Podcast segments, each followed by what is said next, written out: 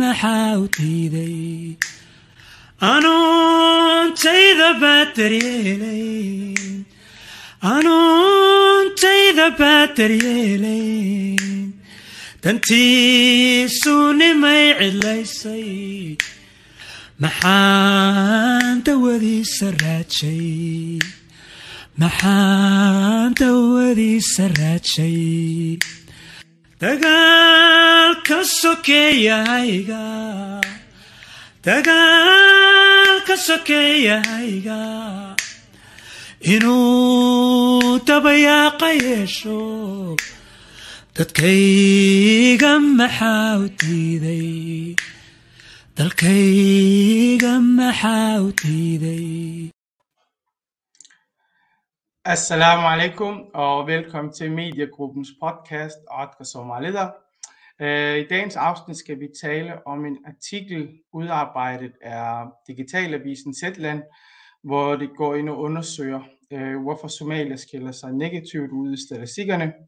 Og i artiklen refererer det til en analyse fra Rockwool-fonden, der viser, at hver femte barn med en somalisk far vil opleve, at faren kommer i fængsel og det mener så, at det er fem gange så højt som etniske danske børn. Og, og til det har vi inviteret Sofia Jama, som er forfatter og medvirker i artiklen, og Ayan Yassin, som er Ph.D.-studerende og har en holdning til øh, artiklen. Velkommen til I damer. Tak skal du have. Ja. Øh, Sofia, hvis vi starter med dig, vi vil jo sådan gerne ja. have lidt informationsbaggrund omkring artiklen. Altså, hvordan bliver du kontaktet, og hvorfor du har valgt at sige ja til at medvirke til artiklen? horta waxaan rabaa habeen wanaagsan. Asalaamu calaykum aad iyo aad baan ugu faraxsanahay inaan caawa soo casunteen interviewgan aad iyo aad baan u xiisooday. Maxay ahayd tan oo kalen hore laygu casumo marka waa layla soo hadla waayo sababtoo ah maxay ahayd gabar journalista ayla soo mar walba laysoo hadlaa. Mar walba waxa laygala soo maxay ahayd journalistka fara badan misle ulans boston berlinska och så vidare mar kasta waxaan ku oran jira may jag har alltid, jag tror jag ska förstå till dansk, är det bäst? Ja, det är meget bedre. Ja. Det er som I forstår. Eller jeg kan godt begge sprog, men jeg bliver altid kontaktet i kraft af mit virke som, sige, som forfatter, men også som en offentlig person, som har somalisk baggrund. Og jeg har altid sagt nej og nej og nej, og er der nej. Øh, når jeg siger ja til, til, til den her journalist fra Zetland, og så har en, hvad skal man sige, en velovervejet beslutning om, øh, at jeg gerne vil øh, medvirke, fordi jeg synes, vi har brug for at, at belyse nogle ting. Øh, det er sådan, at øh, når vi ikke selv går med til at, øh, hvad skal man sige, at snakke om de ting, der vedrører os, så er det ligesom nogle andre, der, der taler om os og, og påpeger de problematikker, vi har, ligesom alle mulige andre grupperinger i Danmark. Så jeg sagde ja til det, øh, og øh, hvordan, du spurgte, hvordan vi blev kontaktet. Jamen, hun kontaktede mig via mit forlag, tror jeg, og Facebook og så videre, og så brugte jeg lige nogle timer på ting, om jeg ville med, og det ville jeg rigtig, rigtig gerne. Og jeg synes øh, øh, egentlig, der kom en rigtig fin artikel ud af det. Nu ved jeg godt, hun har interviewet en del mennesker, øh, både øh, forskere, men også øh, et par andre somalier. Og jeg var en af dem. Øh, jeg, som jeg ser i indledningen i artiklen, så er jeg jo ikke nogen øh, forsker. Øh, jeg sagde, jeg er forfatter, men jeg er også oversætter, så jeg har ligesom været øh, en del af de problematikker, som egentlig hun gerne vil skrive om. Jeg synes, det er meget vigtigt, at vi deltager i debatterne, at vi taler om vores ting, at vi taler om vores udfordringer, at vi, øh, hvad skal man sige, inviterer det omgivende samfund ind i vores nærmeste stue, for at, øh, ligesom, at det kan få indblik i, hvem vi er. I stedet for altid nogle andre, der peger på os. For det er jo udfordringer. Mm. Øhm, så jeg håber egentlig, at det jeg vil opnå, øhm, det er, at det her, at vi taler, mm. at vi snakker sammen, og vi snakker om de ting, der er egentlig. Ja. Øhm, da hun stiller mig, hun stiller mig en række spørgsmål, og jeg har snakket rigtig, rigtig længe, men hun skulle ligesom også have plads til, hvad skal man sige, øh, alle de andre, hun interviewede. Øh, så hun tog jo nogle af de ting, jeg har sagt med, men selvfølgelig ikke alt. Og de ting, hun har taget med, det kan man så sige, jamen, hvordan journalisten flytter rundt tingene, det er ikke, eller hendes konklusion, det, har ikke noget, det er ikke noget, jeg ligesom øh, herover, men det er ting, hun har taget med, det er nogle ting, jeg har sagt. Mm. Øh, jeg blev meget, meget overrasket over, at øh, nogen skulle være meget fornærmet af de ting, jeg har sagt, fordi at det er jo, jeg synes, det er en, det jeg siger er meget nuanceret og baseret på min erfaring. Jeg siger også, at jeg har ikke nogen rigtig svar på noget, men det er udelukkende fra, fra den erfaring, jeg har. Altså, jeg arbejder sammen med myndighederne. Altså, det er jo mm. så min legitimitet, hvorfor jeg sidder her i dag. Men jeg arbejder, det er ikke kun fordi jeg er forfatter. Øh, jeg arbejder sammen med myndighederne. Jeg arbejder alt fra øh, domstolsstyrelsen til politiet til øh, Ankestyrelsen og har set tingene på meget, meget nært hold. Så, så jeg mm. havde, øh, og jeg har været frustreret over det, at, at vi følger så meget det negative statistik. Det kan man så sige, at der er så mange forskellige faktorer, der spiller ind. Øh, mm. Og det er heller ikke noget, hun har svar på i artiklen. Hun, hun erkender faktisk undervejs, hvor jeg er fuldstændig frustreret over det her, fordi der er ikke nogen, der kan give mig et svar på, hvorfor somalierne stikker så meget ud i statistikkerne, som de siger. Ikke også? Mm. Øh, og, og det gør vi kraftigt, fordi jeg, jeg, jeg mener, at fordi vi ikke er så mange, og de, man kan tale, de stikker jo ud. Altså, vi har kun 20 ja, vi skal nok komme ind på tallene bagefter. Det er mere, øh, vi er, sådan det, vi er interesseret i nu. Er du tilfreds med måden, man har udarbejdet artiklen på, og er du blevet fejlciteret for eksempel? Eller du er tilfreds med artiklen? Jamen, jeg vil ikke sige, om jeg, altså, jeg er til, tilfreds og tilfreds. Altså, jeg har jo medvirket artiklen. Som sagt, ja. jeg blev kontaktet alle mulige steder. Jeg blev kontaktet den her, øh, altså den her magasin, fordi for det første, jeg synes, det er seriøst magasin, så jeg havde sådan set tillid til de ting, der blev skrevet, det ville være UK. Mm. Øh, øh, jeg er ikke journalist, øh, men, men, men og hvordan tingene blev sat sammen øh, til teknisk, og hvordan øh, hvilken framing og alt det der ting, det har jeg ikke rigtig styr på. Men, mm. men, men, men det er jo, altså, jeg har det fint med det, jeg har sagt. Okay. Jamen, det vil sige, der er ikke noget, hvor du jeg skal ah, det. det her. Ja, okay, godt. Hvis vi går videre til Ayan. Ayan, du har jo læst artiklen, øhm, og da vi talte sammen, havde du jo nogle holdninger til, hvad der stod i artiklen. Kan du uddybe det lidt? Det kan jeg godt. Øhm, jeg vil først sige, at jeg er med fra Tyrkiet i uh, Istanbul, eller ja, nu i Istanbul, men da jeg læste den, var jeg i Ankara. Mm. Øhm, og jeg vil have feltarbejde i forhold til min, min afhandling som netop handler om somaliske migranter, og hvorfor de vælger at migrere væk fra vestlige lande, eksempelvis som Danmark. Mm. Og den dag, der havde jeg et interview, og af andre årsager var jeg ret frustreret i forvejen, og der var 21 grader, og det var, det var ret varmt. Og så sidder jeg i, i en taxa med, med to somaliske mænd, en fra Finland og en fra England. Og så læser jeg artiklen, og den første følelse, jeg får, det er du ved, en skuffelse. Jeg læser, og det er typisk artikler om Somalia i Danmark, du ved. Somalia er suverænt svære at integrere. Øh, Somalia er ikke blevet integreret på lige fod med andre indvandrergrupper. Somalia er overrepræsenteret i kriminalitetsstatistikkerne. Somalia er på fuldtidsforsørgelse. Somaliske børn, børn bor ikke med begge deres forældre, fordi vores skilsmisserase er på 75 procent. Somaliske fædre, der er fraværende fædre, som sendes på hjemløse herberg, fædre, der spiser kat, som nu til dels er kriminelle, og de tager deres børn med ned i samkørsel. Du ved, Somalia er deres klansamfund. Somalia, som bliver opfattet som samfundsbund, fordi de er den fattigste gruppe indvandrere i Danmark.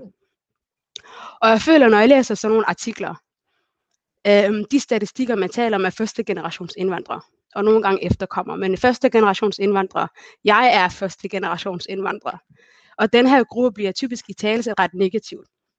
Så når jeg læser sådan nogle artikler, så føler jeg, at der bliver sat et spejl op, som jeg skal kigge ind i. Og det er ikke et skønt syn. Og jeg tror ikke, der er nogen, der vil synes, at hvad jeg har citeret førhen, at det er et særligt skønt syn at kigge ind i. Øh, og jeg ser alt det, jeg ikke er. Jeg ser alt det, dem jeg kender, ikke er men det bliver mm. beskrevet som en kollektiv masse, der bærer på en kultur, der ikke kan ek- eksistere i Danmark. Og når jeg læser nogle artikler, udover at være indigneret og frustreret, så glemmer jeg også alle de ting, vi i stedet burde være stolte af. Mm. Og, de, og, og typisk, altså nu, nu, nu taler vi om Zetland, og de har haft to artikler, en i 2016 og den her forleden dag, eller for nogle uger siden. Og spørgsmålet er altid, Somalier stikker ud i negative statistikker, hvorfor? Og hvad kan vi gøre ved det? Mm. Og jeg synes hele måske er det et, et forkert spørgsmål, vi tegner. Men det er en artikel, der, der for det første tegner det samme narrativ igen og igen og igen. Og måske bliver jeg træt, fordi jeg skal begynde at forholde mig til tal. Jeg er Mm. humanist, og jeg ganske enkelt hader tal. Jeg fortæller mig selv, at jeg, at jeg er talblind. Men, i, i, men derudover, så føler jeg mig igen reduceret til det her forsvårede menneske. Forsmåede mennesker, der skal begynde at forsvare sig igen. Eller forsvare sig hele tiden på, på nogle parametre, jeg måske ikke identificerer mig med. Og Mm. at jeg skal forsvare, at jeg ikke er andet end en somalier, der afviger. Og, for, og skal forklare den her andethed. Så svar, svar til de spørgsmål, det var en blanding af, af skuffelse og vrede og indignation. Og bare generelt træthed. Mm. Ja, men er det, nu, nu skal jeg lige spørge, er det, øh, altså nu snakker du om alt det, du har opsummeret, det er det, der er blevet skrevet om Somalia de sidste 20 år. Ja, nu ser du, at du er første generation. Jeg er vokset Ja. op i Somalia, så jeg er endnu mere første generation. Og det første, jeg hørte, det var, øh, da jeg kommer til det første ord, jeg har lært, det sagde jeg faktisk også i artiklen, det var fældskærm. Altså, vi skulle ned med fældskærm, ikke? Så jeg ved udmærket godt, at der har været så meget. Så når du siger, øh, at opsummere alt det, så lyder det som om alle de aviser, der har været, alle de artikler, der har været om Somalia, ikke specifikt om den her. Så hvad er det, der generer dig ekstra meget ved den her artikel? Det er vel den her artikel, vi skal snakke om. Jeg tror, at det, der generer mig ekstra meget ved den her artikel, er, som du selv sagde, det er Zetland. Og jeg er som medlem af Zetland, og har forsøgt at få mange af mine andre venner til at abonnere på Zetland, fordi jeg sætter det lidt på en Mm. højere pedestal, at man går kritisk til værks, at man stiller nogle andre spørgsmål, at vi har nogle andre nuancer med i de her historier, de, vi, vi fortæller. Men, men, men Og det synes jeg, nej, men to sekunder, det synes jeg ikke, hun har. Jeg synes ikke, at hun, hverken du eller forfatteren eller journalisten, udfordrer præmissen omkring den analyse, Rockwool-fonden har skrevet. Især når forfatteren af analysen siger, jamen der er nogle årsag- årsagsfaktorer, vi ikke kan forklare. Jamen hvorfor ikke vente den om? Vente den om at sige, de her analyser kommer hver andet år, og det er den samme gruppe, vi harcelerer over. Vi har, der, har- vi har en gruppe af somalier, der ikke er integreret. Hvorfor er de ikke integreret? Ja, Og, Det og som et medie, så, så synes jeg ikke, det er fint. Jamen, så får man andre somalier med til at... Ja, det forstår jeg. Men altså, nu er det jo sådan, at, øh, at jeg har udtalt mig, fordi at jeg er inde i helvede hver dag.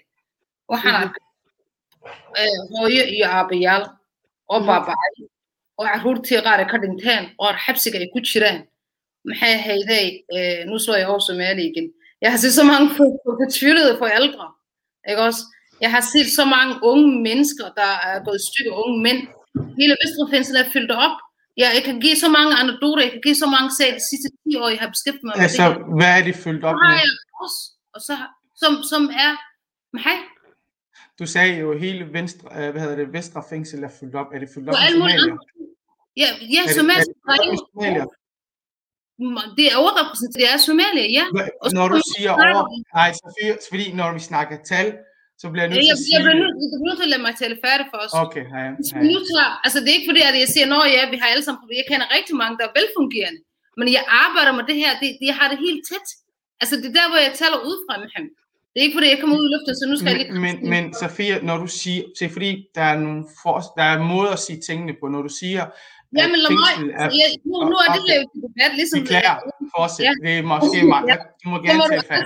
kommer problematisere Ja. Det Ja. handler ikke om, jeg ved udmærket, hvad vi er opdraget med, at vi ikke skal udskamme, og vi ikke skal tale om, hvad æbtene meget er så der er så der er nu igen. Vi bliver nødt til at sige, ligesom alle mulige andre, vi har også udfordringer. Og vi har særlige udfordringer. Jeg ved ikke, hvorfor vi har, det kan man så diskutere om, manglende integration, diskrimination. Jeg kunne også godt savne, at artiklen, så at det skulle fremgå, at for eksempel, hvor med diskrimination for eksempel. Altså, at, at som sort mand bliver man udsat for mere racisme end almindelig danske dreng at øh, man har måske nogle forældre, øh, der ikke er så ressourcestærke altid, at øh, drengene det forsvinder i øh, sådan nogle bænder og, og så videre. Alle de ting, der har jeg tæt på. Hver evig eneste bliver ringet op. Så når vi snakker om tal, nu nævner I det, hun nævner, øh, hvad hedder det, hun har sin, øh, i artiklen her. Så hvis du nu kigger på, øh, jeg, har lige noget her, øh, fra perioden 2014, det har de tal fra Justitsministeriet. Fra 2014 til 2018. Så hvis de dom, der er faldet i top 10 i Danmark, så er for eksempel drabsforsøg og drab, det er 26. Okay? Og så hvis vi går lidt længere ned, Og hvad, så har altså, kan du forklare det lidt mere? Hvad, altså 26 er hvad, altså? er det der faldt over. Ja, det er Ja. 26. Ja, Ja, øh, tyrkerne, dem er der rigtig mange af i Danmark. Det, det er ikke engang så højt. Hvis vi nu går over til samme periode, det vil sige 2014 til 2018, så har vi 916 for vold. Altså det er dom, altså 900, der, er- der, 900 somalier. Ja. det er fordi, det er vigtigt, at vi forstår, hvad du siger. Ni- 900 somalier, der blev dømt. det hvor mange dom, der faldt i, i, det, det her det er perioden, det er fire år, okay? Ja. Og sådan kan det blive ved. Så statistikkerne er der, så det, skulle- spørgsmålet er, jamen vi, det er, vi, kan- vi kan jo se det hele det på sort og hvidt, fordi i Danmark er det også rigtig god til at, at lave den slags statistik. Det er der, Mohammed. Det er der. Okay, så kan man hvor- hvad, hvad skyldes det egentlig? Skyldes det, Mm. at vi er dårligere mennesker, at vi er dårligere til at blive integreret? Nej, det er vi ikke. Men der er så mange andre faktorer, der kan spille ind. Jeg synes bare, at, at det er på sin plads, at vi taler om vores egne problemer. Når vi ikke taler om vores udfordringer, så er der faktisk nogle andre, der taler om vores udfordringer. Der er andre, der giver os stemme. Der er andre, der påpeger os, kommer hen til mig og siger, vi er sådan og sådan og sådan, så peger fingrene af os, mens vi gemmer os væk. Okay. Må jeg, må jeg så sige jeg, noget? synes, altså, og jeg synes, det er ting, der taler, tallene taler for sig selv. Og, og, og det, er der, det er der jo alle mulige, det ved vi. Det, det, det, altså, det Men må vi. jeg sagt så, jeg vil gerne udfordre det, du siger jo. Jeg vil gerne udfordre det. Men mener du, at der ikke er nogen udfordringer i Danmark? Med, med Nej, altså, Sofia, Sofia siger, vi skal, vi skal have en dialog, og vi snakkede om, at så folk kan følge med, vi snakkede om, at vi tager udgangspunktet i det, der står i artiklen, fordi vi kan altid gå ind og referere til nogle andre ting, som øh, du har undersøgt. Men lige nu, Jamen, det vi har, det vi har aftalt, det vi har aftalt, det var, at vi skal forholde os til de tal, der står i artiklen. Så Mhm. der står her i artiklen, øh, at hver femte barn med en somalisk far vil opleve, at hans far kommer i fængsel, eller hendes far kommer i fængsel. Øh, har du set øh, rapporten, inden du har udtalt dig? Eller har inden du har, Mohammed, jeg har så ikke Ja. udtalt mig om tal. Jeg har udtalt mig udelukkende om min egne men personlige du erfaring. repræsenterer tal jeg- jo, Sofia. Du Nej. har lige repræsenteret tal jo. Nej, Du jo, jo, men det går jeg ikke tale om. Det, er altså, når jeg udtaler mig, så har jeg erfaring, og jeg har nogle, nogle personlige erfaring. Det valg, jeg selv har truffet, det står der også i artiklen, men også det ting, jeg arbejder med. Det vil sige mit arbejde som tolk, som oversætter for de myndigheder. Det, jeg er med hver evig eneste dag, som jeg har haft til program. Det er det, jeg udtaler mig om. Men Og jeg når, når, når hvad hedder det, journalist, journalisten henvender sig til dig jo, og så siger hun til dig, der er kommet den her analyse fra Rockwool-fonden, der, der kommer med nogle klare øh, hvad hedder det, konklusioner. Og, og hun repræsenterer jo i artiklen det her tal, som jeg har nævnt i forhold til, at øh, somalier, øh, øh, eller der står her præcis, så kan jeg læse det fra artiklen, at hver femte barn med en somalisk far vil opleve, at øh, deres far kommer i fængsel, inden de er fyldt 15 år. Mm. Så har du, da hun, når, da hun sagde til dig, jeg vil gerne tale med dig om det her tal, har du spurgt om rapporten, har du spurgt om, øh, hvordan man har udarbejdet det her tal, eller du har valgt at bare udtale dig om dine erfaringer? Øh, nu er det jo sådan, at hun ringede til mig, øh, fordi at jeg har somalisk baggrund, og fordi at jeg er offentlig person. Øh, Hun vidste ikke noget om, at jeg faktisk er tolk, og jeg kendte, havde indgående kendskab til det her. Det har han andet Mm. ikke om. Det, desuden har hun heller ikke sagt, jeg har det her tal, baserer du til det? Er der Mm. nogle udfordringer i det, der, i det somaliske samfund? Det er jo det stadig spørgsmål, jeg bestiller, så jeg, ja, det er der ligesom alle mulige andre. Jeg har også nævnt, skal det siges, at der er selvfølgelig, det er jo givet, at der er jo sindssygt mange mennesker, at jeg er en af du, mig, og så videre, så mange andre derude, som også klarer sig fantastisk.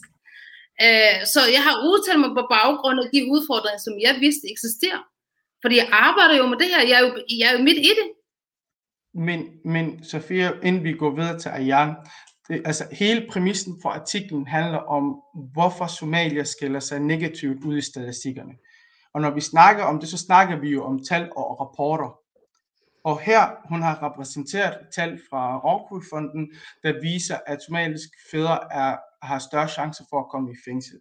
Ja, det Og når du bliver, når Ja, du bliver kontaktet, ja, når du bliver kontaktet og siger, hun siger til dig, jeg vil gerne finde, undersøge nogle ting, har du ikke bedt hende om at se rapporten, eller se om, øh, hvordan man har udarbejdet de tal, du, eller du har bare valgt at snakke om din, fordi hvis det var mig, så ville jeg tænke, okay, hvordan er man kommet frem til det her Okay, men du, jeg når jeg ikke dig, og det skal også siges, journalisten har haft sin egen agenda, det havde jeg så sandelig også. Min agenda har været at påpege nogle ting, at vi skal have åbnet en dialog og en samtale om os selv. Jeg er så træt af den der forsvar, angreb dynamikken. Det har jeg været rigtig længe. Jeg har været en af de kujoner, der har gemt sig væk og sagt, Nå, jeg, jeg klarer mig jo fint, jeg har det fint nok, så jeg skal ikke gøre noget. Samtidig med, hver gang jeg har været ude og tolke, og nogen, der blev smidt ud af landet, nogen, der sidder i fængsel, nogen, nogen der blev slået ihjel, at jeg er kommet grædende ind ad døren. Så jeg har været en af de kujoner, der ikke har gjort en skid. Kan man har sige, at du måske farver arbejde? Fuck de tal, undskyld mig. Undskyld sproget. Det er Ja. mit agenda har været, at vi skal sætte, ligesom sætter, øh, hvad skal man sige, sætter debat i gang i det her. Det nytter ikke noget, at vi gemmer os væk, fordi hvis vi gemmer os væk, så konkluderer det danske befolkning og alle mulige andre, der diskriminerer os derude. Om Arab har hater, om Turki har hater, om Pakistani har, om Chinese har hater, Somali, Men kan man Somali. sige Somali faktal, når det hele, Sofia, kan man sige faktal, når det hele bygger på tal og rapporter? Jamen, der, det? er jeg jo, ja, nu må jeg ikke selv læse op, det er det meste, hvad skal man sige, pålidelige kilder, nemlig justitsminister, det må jeg ikke citere, men det havde Men- jeg på baghovedet. Mm. Jeg vidste jo, jeg Men- har jo set det her tal i, tilbage i 2018, 2017, 2017. Mohammed, det det egentlig handler om, det er, hvis vi ikke åbner op, så graver vi vores egen graven dybere og dybere og dybere.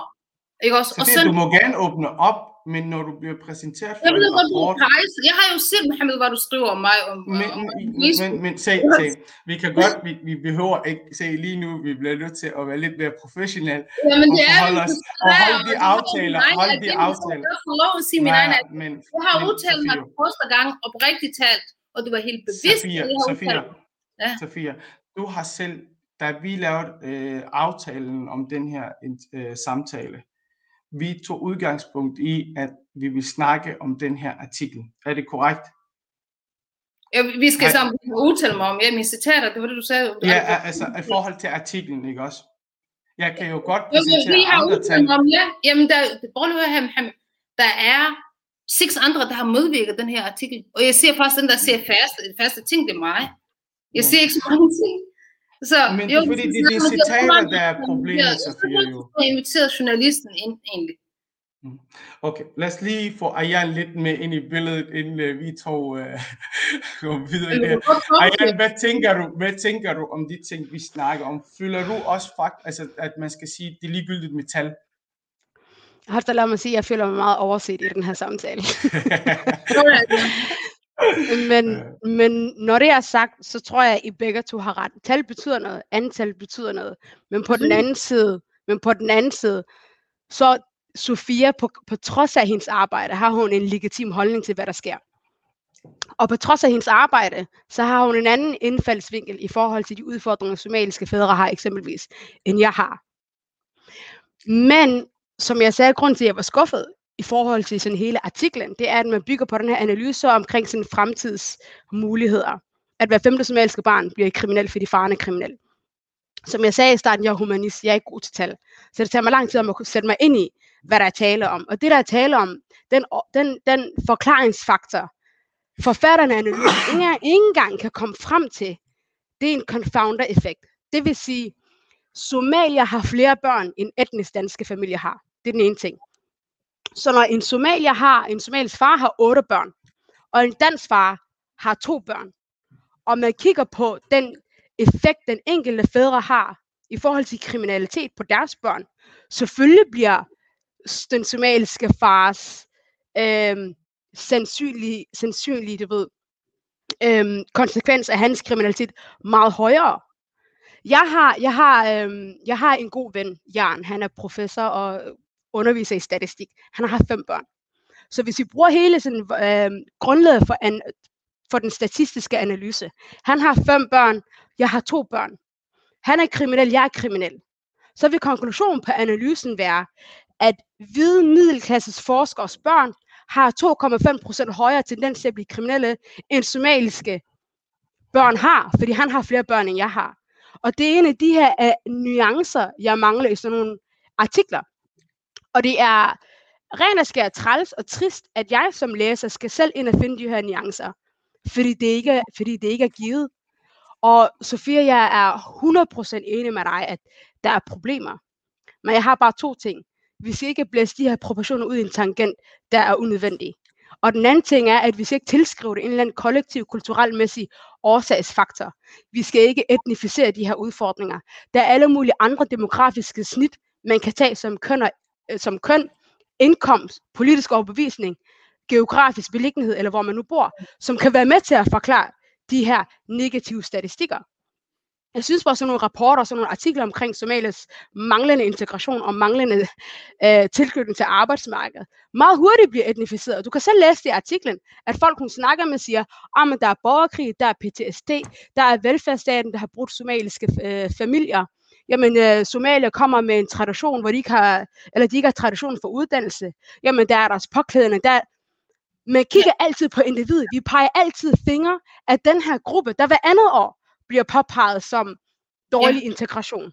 Mm. Okay? Det jeg mangler, det er, at man vender det lidt om og siger, okay, lad os kigge på de makrofaktorer, de strukturelle udfordringer, der gør, at den her gruppe, den her bestemte, specifikke befolkningsgruppe, der tilfældigvis har somalisk herkomst,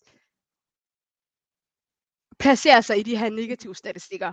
Og en af de ting, jeg altid tænker, hvorfor er det, journalister ikke har det her med, det er, at den ene ting, det er selvfølgelig, antal betyder noget. Og jo lavere antal, jo, desto større afvielse.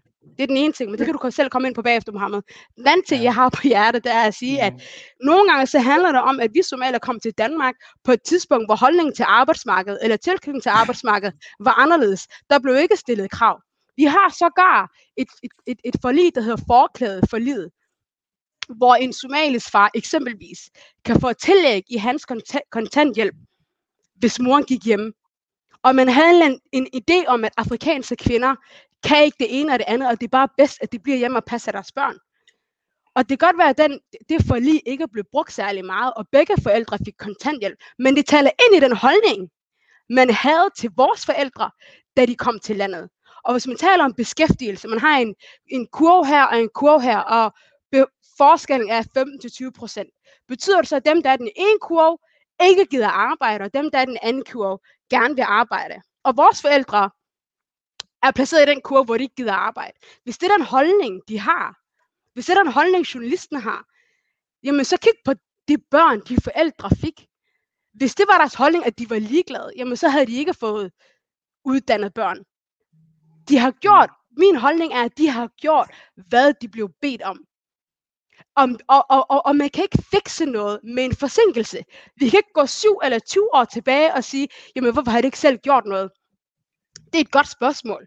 Men hvis man kigger på den holdning og de øjne, kommunerne havde på de, havde på de her for, øh, forældre, jamen det taler, ind, det taler ind til den, det samfund, de kom ind i, som de blev en del af. Så kan man ikke 30 år senere sige, hvorfor har du ikke fået arbejde? Jamen guess what, Sherlock? Jamen, jeg vidste ikke, eller jeg havde ikke den indstilling af, at jeg skulle have et arbejde. I sagde til mig, at jeg kunne blive hjemme og passe mine børn. Og efter 30 år, så bliver jeg klandret for, hvorfor jeg ikke har gjort noget, hvorfor jeg ikke har øh, stærke danske kundskaber. Så min pointe er, at man kan ikke fikse noget med en, for, med, med en forsinkelse, det er den ene ting. Og den anden ting er, at de her rapporter kommer ud hver andet år, og som jeg sagde, det er den samme befolkningsgruppe, det ændrer sig ikke. Men så stedet for at pege fingre af dem, der er mennesker i det her samfund, der er efterladt tilbage på perronen. Det kan være folk med trauma, det kan være handicappet, det kan være folk, der kom til Danmark på et forkert tidspunkt. Men så for at pege fingre af dem, skulle vi måske pege fingre af os og vores egne systemer, der har gjort, at udviklingen har været, som den har været. Det, det synes jeg er, er virkelig gode ting at have med, og nu er du også forsker, du sidder, selvfølgelig sidder du med alt det her, Øh, men, men altså, lige jeg vil selv med øh, den lille udtalelse, for det er jo ingenting, sådan fire citater, det var faktisk, at vi netop får det her ud af det, at alt det her kommer frem, at vi snakker om det, jamen det handler ikke om, at vi er øh, dårlige, øh, dårlige til at blive integreret, eller NASA, eller øh, øh, dogne. Det handler om så mange andre ting, det er ting, du nu påpeger. Mit spørgsmål er så øh, til dig, Ayan, mener du, at at vi ikke har nogen, at vi ikke fører alle det her dårlige statistikker. Jamen prøv at høre. Så du sagde til mig, du sagde, du sagde tidligere, at tal betyder ikke noget. Prøv at høre, så nej, det, sagde, tal nej, betyder... det var konteksten, skal du huske at sige. Han blev med at sige det der med, jamen har, har hun ikke sagt til dig, det må tælle hende journalisten, Så helt specifikt så sagde jeg, "Men prøv lige her, jeg havde ikke engang talt i hovedet på det tidspunkt, da, da jeg snakkede med hende, der ville jeg bare gerne have, at vi åbner op og kunne tale om tingene. Og så sagde jeg, jo jo, der er også udfordringer. Det er der også udfordringer. Fordi det er noget, det danske samfund er mestre i, det er faktisk at debattere og tale om de udfordringer, der er i samfundet. Hvis der er for eksempel det danske unge er, er verdensmester i at drikke, der er, er meget alkoholisme, øh, mændene, de får, flere mænd får kraft og dør tidligt, og meget, meget ensomhed osv. Så de taler både det dårlige og det gode ting.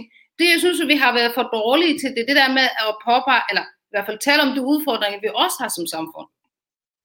Og men altså, der er jo ikke nogen, men der er jo ikke nogen, der siger, at der ikke er mig, nogen... Mohammed, den var ikke til dig. Okay, hey, kom.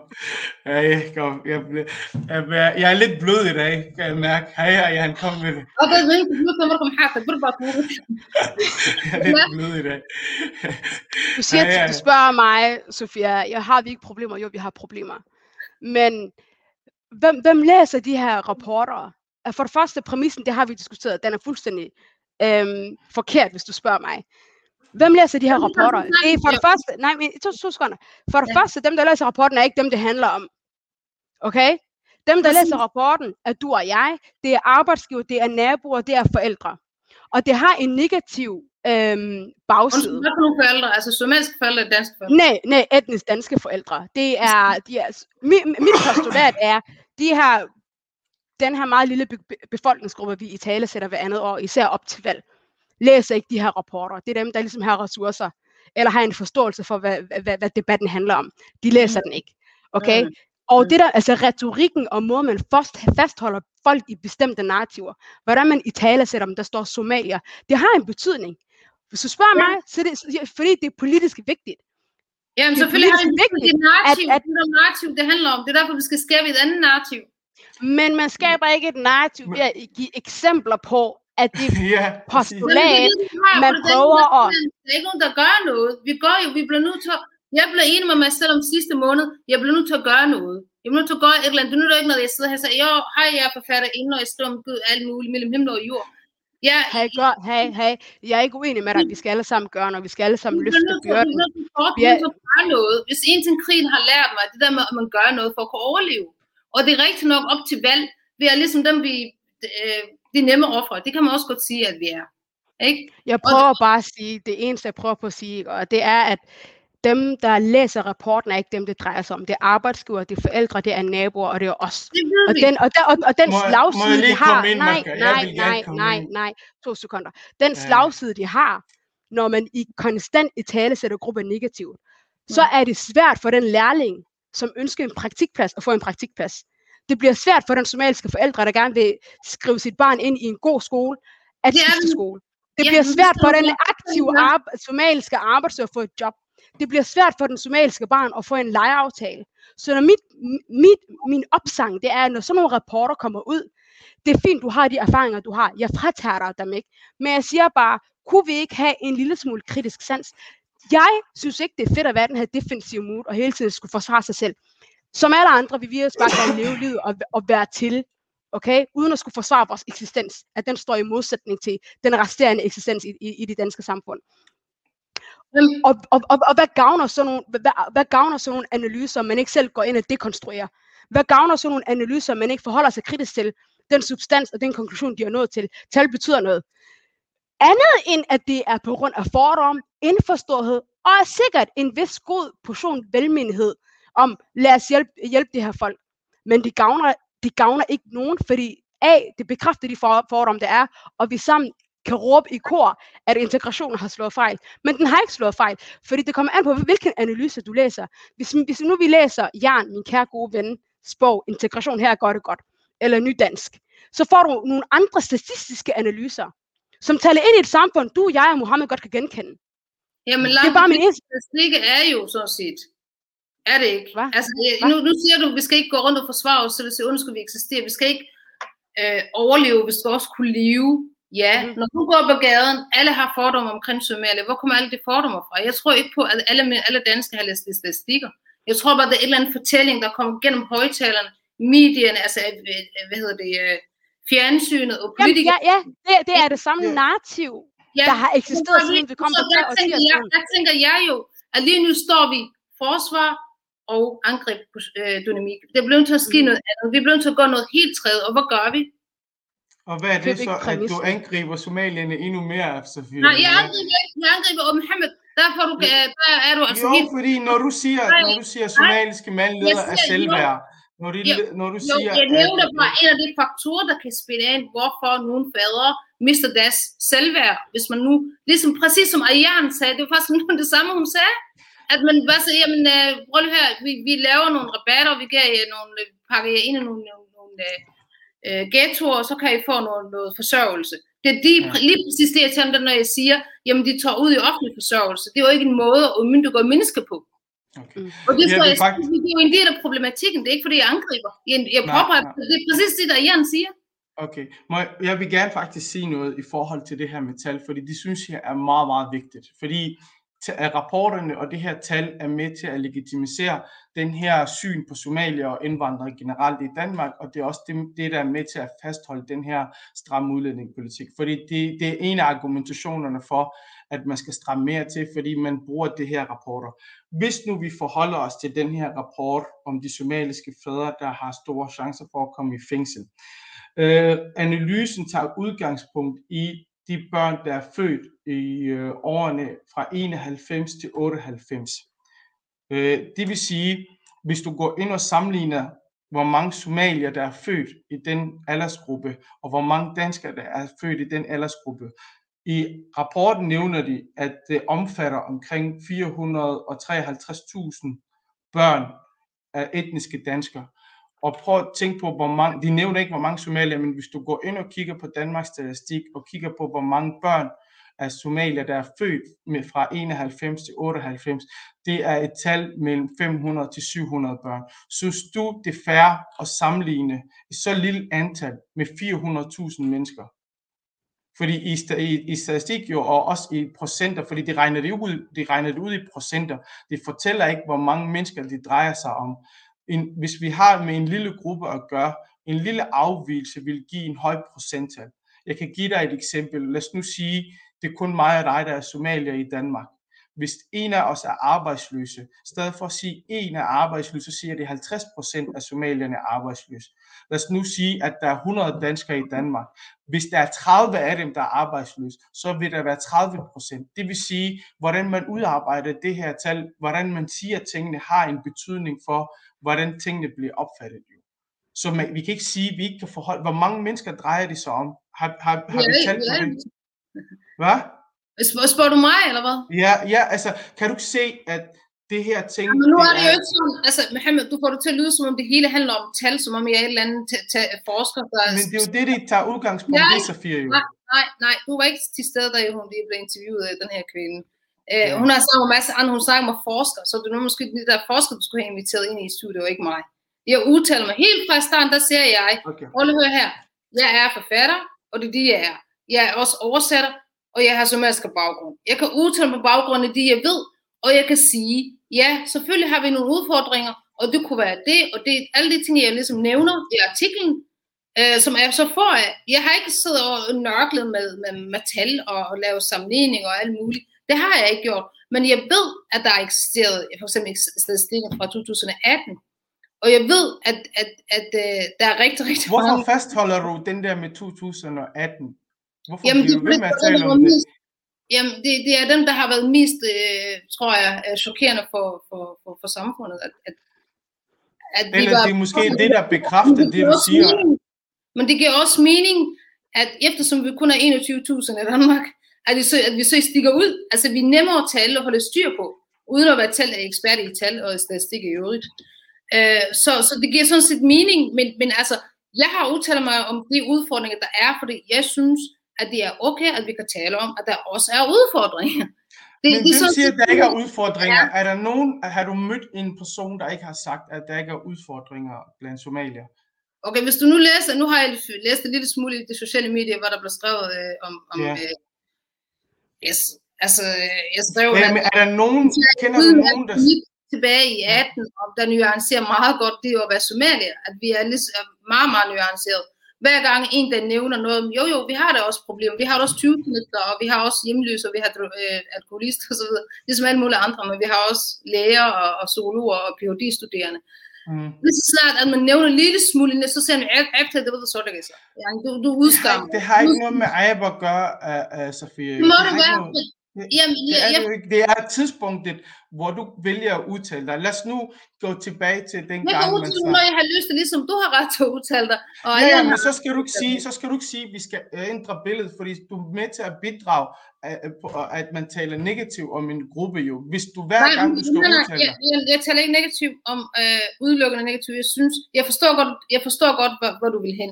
At når der Ja. er så meget negativitet omkring os, så skal jeg ikke nævne øh, de negativiteter, der er. Det skal, jeg skal overhovedet ikke nævne noget. Jamen, skal jeg så sige, nej, prøv lige det er her, ikke det, det er skide godt for os. Det er ikke det, jeg Det siger. er Det er ikke det, jeg siger. Det er ikke det, jeg siger. Må, Og jeg, må jeg forklare dig?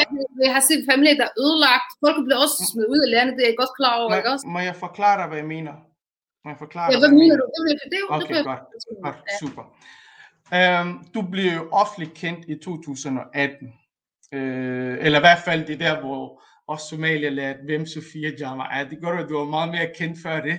Men der, hvor du udtaler dig, øh, du laver en artikel på baggrund af en analyse, der var udarbejdet, jeg kan ikke huske, hvem det var, omkring somaliske kvinder, hvor 8 eller 7 eller 7 ud af 10 somaliske kvinder var på offentlig forsørgelse. Så går du ud i medierne og skriver en artikel om, hvor meget de sejler i de somaliske hjem. Og så nu, det gør du, det gjorde du jo, er det ikke rigtigt? For det første, for det første, jeg bliver nødt til ikke at rette dig, Mohammed, fordi at... Nej, du må meget gerne rette mig. Jeg vil gerne rette Mohammed, Mohammed, Mohammed, Nej, den øh, øh, øh, kronik, det var et essay. Det handler faktisk ikke om, at det er uarbejdet noget. Det handler netop, netop om øh, at, at give nuanceret billeder af det op er os, der er til i det her samfund. Nuance, for på det tidspunkt, jeg kan godt se, at konteksten var, øh, at, at øh, Dansk Folkeparti har lavet en eller anden Facebook-gruppe, hvor der står, somaliske kvinder er det berigelse, eller, øh, eller byrde, tror jeg det var. Og så var der en hel masse fantastiske, veluddannede, velfungerende øh, unge mennesker og, og ældre, øh, som laver modsvar, altså en, en gruppe, hvor der siger, jamen, øh, øh, er berigelse. Så var det sådan lidt, du ved, hver sin pol, så var jeg sådan lidt træt, så var med at skrive noget, i stedet for at sige, hej, jeg hedder Hav, og jeg er læge, og nu skal jeg se, hvor godt jeg gør det. For det er at ligesom gå med på den præmis blive reduceret. Hvad med at skrive en artikel, øh, der siger noget om os. Jeg er somalisk ophav. Jeg kommer Mm. hertil, da jeg var 13 år gammel. Mm. Jeg kender til et land. Jeg, jeg ved, hvad det vil sige at tabe et land. Jeg ved, hvad det vil sige at miste, hvad hedder, det, vokse op i en krig. Øh, så Ja, jeg vil men- sige, jeg ved præcis, hvad det vil sige at være Somalia.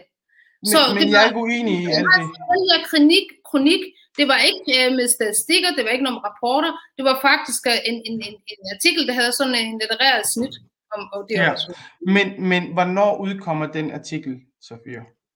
Jamen det er rigtigt, det var 18. Det var Det er 18. hjemme. Og, og, og, og på det tidspunkt havde, man en diskussion om somaliske kvinder, der er på offentlig forsørgelse. Ja, ja, det havde man, ja. Men, Ja, det, du ja, kommer men det, det var ikke et debatindlæg, det er netop for at øh, Ja. lære danskerne noget, selvom man er sømand, så, er man, så kan man det. Okay. det. er at Og så skal det, og så nu, nu, nu kom der en ny rapport, nu kom der en ny rapport, der fortæller om, at hver femte barn med somalisk far har en stor risiko for at komme i fængsel. Og så kommer du også på banen, og så nævner nogle af de erfaringer, du har. Nej, men, Eller du bliver kontaktet, eller du bliver kontaktet jo. Jeg bliver kontaktet hver uge. Ja, ja. Hver uge bliver jeg kontaktet en ekstra. Hej, jeg hedder Mads. Øh, jeg, har, jeg sidder her med øh, rapport, der siger de om Somalia. Så plejer jeg at sige, doing, ring til en, en, øh, Hmm. en, en, en forsker fra RUG. Øh, Ja. Jeg er ikke forsker. Ikke også? Hmm. Men det her, jeg tænkte bare, altså, det er alligevel et, en, en magasin, som jeg kan så nogenlunde stå ind for, og jeg kunne sige, der er, jo, der er nogle udfordringer, og det kan være, så, så, så, så. Og jeg synes, jeg nuancerer i den her. Det er derfor, jeg, blev, jeg, sidder, jeg kan ikke lade være med at tænke på, har du overhovedet læst den, den, den artikel, Mohammed? Jeg har læst artiklen, og jeg kan se Har grund du til, læst den de- igen? Fordi jeg kan Har se, jeg, har jeg I to, I to, kære, Jamen, kære jeg, jeg synes, det er meget folk. vigtigt at sige det, som det er. Altså, jeg synes, Jamen, du når jeg kigger på det, Jeg synes, det er nuanceret. Jeg siger, jo, der er du udfordringer. har jo ikke... Hvordan kan du nuancere noget, du ikke har læst, Sofie? Det, det, den her artikel tager udgangspunkt, udgangspunkt i en rapport jo. Eller uh, uh, Mohammed, hun, hun har ikke læst selve analysen, men hun har talt ud på, på, på, på baggrund af sin er analyse. Og hvis vi holder, hvis vi holder fokus, Ja, tak. hvis vi holder, Men det er jo fokus, det er, altså, ja, det er ja, ikke altså, fokus, det er jo, ud af en tangent, der er meget Ja, ja, du uhensigtsmæssigt. behøver ikke at lege mormor, Ayan. Jeg bliver nødt til, jeg bliver nødt til, jeg bliver nødt til at være ærlig og så sige, altså, når, jeg kender ikke Sofia personligt, så jeg ved ikke, hvad hun er som en person. Jeg kan kun Ja, forholde mig præcis. til, jeg ja, kan ja. kun forholde mig til, jeg kan kun forholde mig til, at de artikler, der har været vedrørende dig, har været meget negative omkring Somalia, og det kom på nogle tidspunkter, hvor medierne repræsenterer nogle negative tal om Somalia. Mohammed, jeg har skrevet 25 artikler om Somalia. Har du læst dem? Jeg har, jeg har, jeg har været inde Det seneste, Mohammed, det Ja. seneste, jeg har skrevet, det handler om, hvor ressourcestærke somaliske kvinder er. Hvorfor har du ikke læst den og ikke citeret den for i stedet for alt det andet? Så hvad? Hvad sagde du? 25 minimum. Jeg har, jeg har skrevet rigtig, rigtig mange artikler om somaliske kvinders, altså for eksempel det seneste, jeg har skrevet, det handler om, at somaliske kvinder er meget ressourcestærke. og der det, får opstået et eller andet narrativ om, eller anden patriarken, altså somaliske mænd, der undertrykker deres kvinder. men altså, Sofie, Anne, Anne, jeg har bare fortalt, altså, jeg, Det handler om, somaliske kvinder er meget stærke, meget ressourcestærke. Det ser jeg også i den her artikel, at øh, de ting, de færdigheder, de evner, de har fra Somalia, vi har fra Somalia, det kunne man også kunne bruge her, i stedet for at man bliver nulstillet. For der er en, der ser i avisen, prøv at høre, lige så jeg landet her, så var min udda- uddannelse ligesom ubrugelig. Jeg kunne ikke blive sige, men de ressourcer kan man godt bruge her. Det har jeg gjort, for eksempel. mm. Så jeg nævner faktisk også de ting, vi har med os. Så jeg synes faktisk, at du skal lave din procent. jeg, jeg, har, jeg har i hvert fald, inden vi har talt med dig, jeg har været inde og kigge på de artikler, du har medvirket i, og de fleste af dem, det er ikke nogen, jeg vurderer, de er positive. Måske en, som du nævner nu, som jeg ikke har læst. Men det er bare for at være ærlig. Jeg har skrevet en masse, og jeg har skrevet en hel bog, det er at være somalier, for eksempel. Der, altså, der er nogen, der skriver, hvorfor angriber I hinanden. Jeg, jeg, vi, vi angriber ikke hinanden, men jeg tænker bare, det er meget vigtigt at sige det, man oplever, øh, når man læser nogle af de her ting. Altså, Jamen, Fordi Mohammed, der- altså, nu kan jeg da have Må det jeg- personligt, men jeg kan ikke lade være med at tænke på, det bliver jo en smule useriøst, hvis du synes, at du skal kritisere mig, og det må du virkelig gerne. Øh, det byder jeg meget velkommen, så skal du i det mindste lave hele arbejdet, fordi det, det er simpelthen ikke rigtigt, hver gang der har været en negativitet om, så man så springer jeg på banen. Det er, øh, det er faktisk sårende. Jeg blev faktisk lidt ked af det. jeg, jeg, har ikke sagt, jeg har ikke sagt til dig hver gang, jeg sagde bare de to gange, de to gange, jeg har læst, det var Jeg to har gange, det der 25 gange. Jeg tror, jeg har givet måske 150 interviews om positive ting om Somalia, om mig selv, om mit ophav. Jeg har skrevet en hel bog om det. Ja, men Sofie, Annie, jeg synes bare, det er lidt, jeg jeg synes bare, det er, jeg synes, hvis jeg skal være 100%, 100% ærlig med dig, øh, hvis man- udtaler sig på baggrund af en analyse, og man ikke har læst analysen, så har man ikke gjort øh, sit bagland øh, en tjeneste. Fordi tal, det er noget, man har, jeg udtaler mig ikke analyse, jeg udtaler mig udelukkende om mit arbejde og min erfaring. Men hvad gør, hvad gør artiklen ud på, Safia? Det er, Artiklen går ud hun, på... hun, har, hun har forsket med, okay? Hun har forsket med. Hun kan ikke, jeg, kan, jeg kan da huske, at en af forskerne siger, at det er en, en forskergåde, siger han. Fordi Mm. vi ved faktisk ikke så meget om, om det her. Ja, Øh, men, og, og, og det, det, jeg udtaler mig om, det er faktisk det, jeg arbejder med hver dag. Det er derfor, jeg men sidder her. Safia, hvis, hvis, jeg må, ja, hvis jeg må sige det her, altså, uh, journalisten gå under, vil gerne undersøge, hvorfor somalierne skiller sig negativt ud i statistikken, så hun vil gerne undersøge noget med tal. Og hvis man ikke har, hvis man ikke har undersøgt, mig om. Altså, jeg I synes, synes, udgangspunktet, I udgangspunktet handler det om, at hvis noget er overrepræsenteret, så skal man selvfølgelig i tale sætte det. mm, Men bare fordi noget er overrepræsenteret, betyder, at det ikke ens betydende med, at noget er farligt, eller skal have en Nej. særlig opmærksomhed. Særligt når man taler om småtalslov. Og Mm. kigger man inden for kriminaliteten, så starter man Mm. altid ved bunden. Man kigger Mm. på, hvad der skiller sig ud. Så hvis man mm. sammenligner 1% med, hvad 2 og 3% gør, så kræver det ikke en, en, en, en øh, matematisk geni at finde ud af, at 2 og 3% betyder 2 og 3 gange så meget. præcis. Og jeg siger ikke, at en hvis en person be- begår kriminalitet, at, at vedkommende ikke skal have sin straf. Det Mm. eneste, jeg siger bare, at når man laver statistikker, det her, det er, hvad, hvad min opsang vil være. Hvad jeg kunne ønske mig kunne være anderledes. Det er, at man A, sletter etnicitetsmarkøren væk fra statistikkerne. Fordi som jeg sagde tidligere, at der er så mange an- andre demogra- øh, demogra- demografiske udsnit, man kan kigge på, som kønner, alder, som køn, alder, øh, politisk overbevisning, indkomstgrupper, Mm. øh, og, og, og, og, og de områder, man bor i.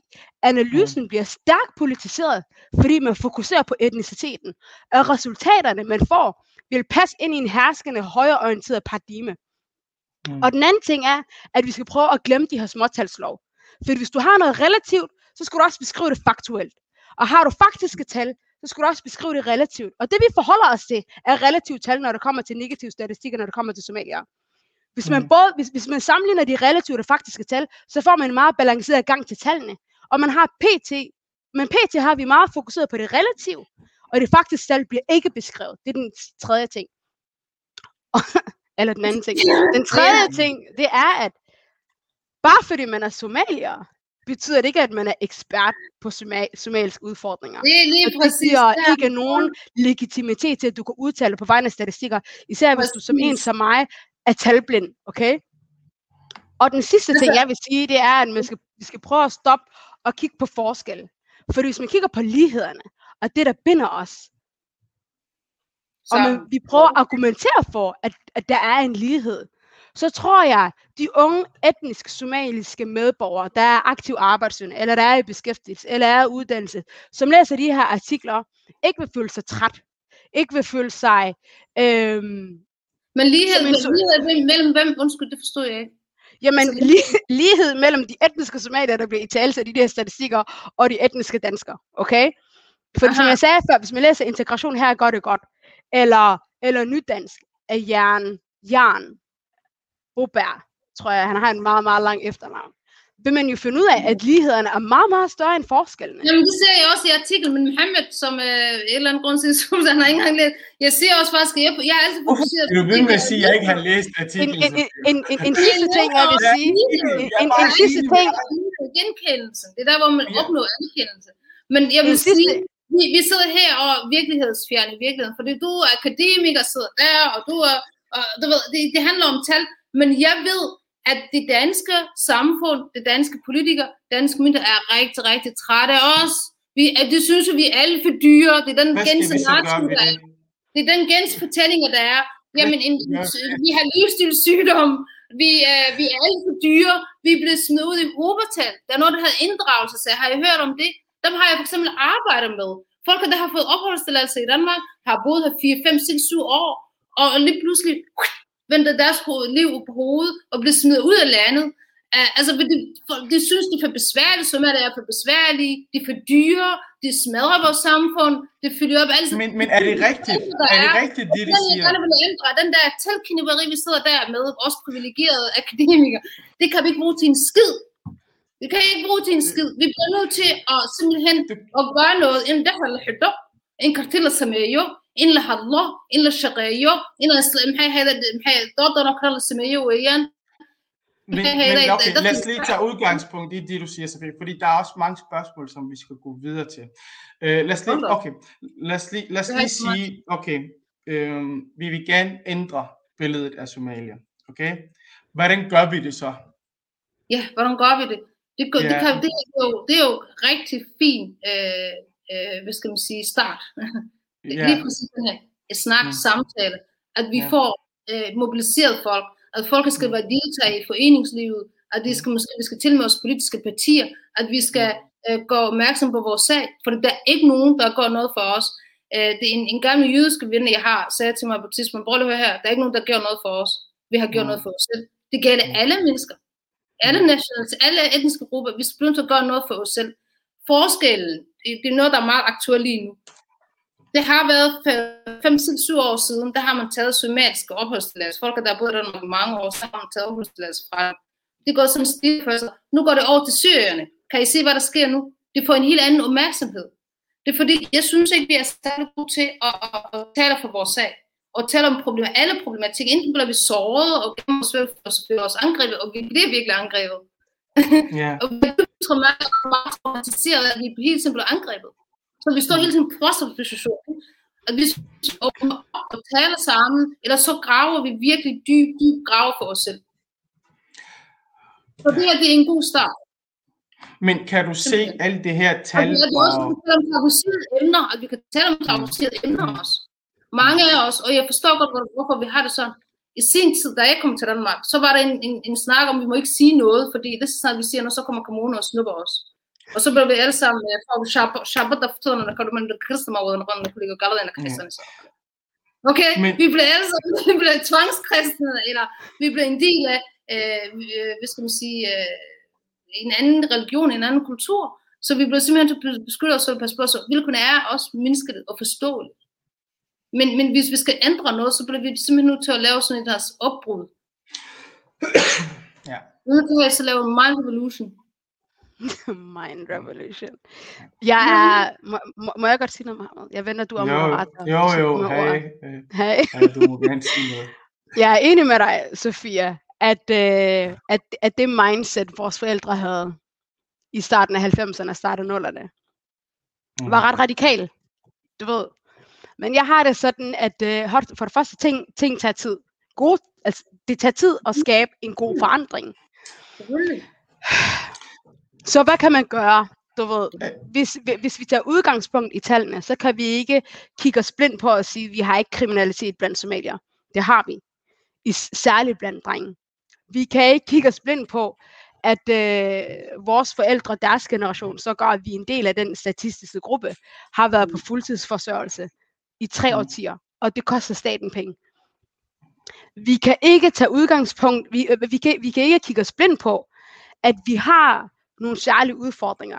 Men det jeg siger, det er, at de her udfordringer skal ikke etnificeres. Vi har ikke de her udfordringer, fordi vi kommer fra et kan-samfund.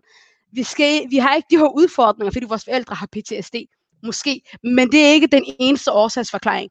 Hvis man kigger på socioøkonomiske faktorer, hvis man kigger på den strukturelle diskrimination, hvis man kigger på racismen i samfundet, hvis man kigger på de her udfordringer, vores forældre og vi har oplevet, ærligt, så burde vi at give os selv en, et, et, ved, klap på skulderen, at vi har det okay, på trods. Og ærligt, hver gang der er nogen, der har, to sekunder, når, når nogen har noget at sige om vores forældre, om deres påklædning, om deres mentalitet og manglende dansk kundskab, jeg har det sådan, the fact, at de ikke alle sammen er endt på psykiatrisk afdeling, okay, the fact of the matter is, at de har formået, at de har formået at opdrage 8-11 børn i et samfund, de ikke kender til, i et sprog, de ikke har, i, og de har flygtet fra alt det, de havde kært, men alligevel har de formået at danne og opdrage folk som os, som, og de har givet flagten videre.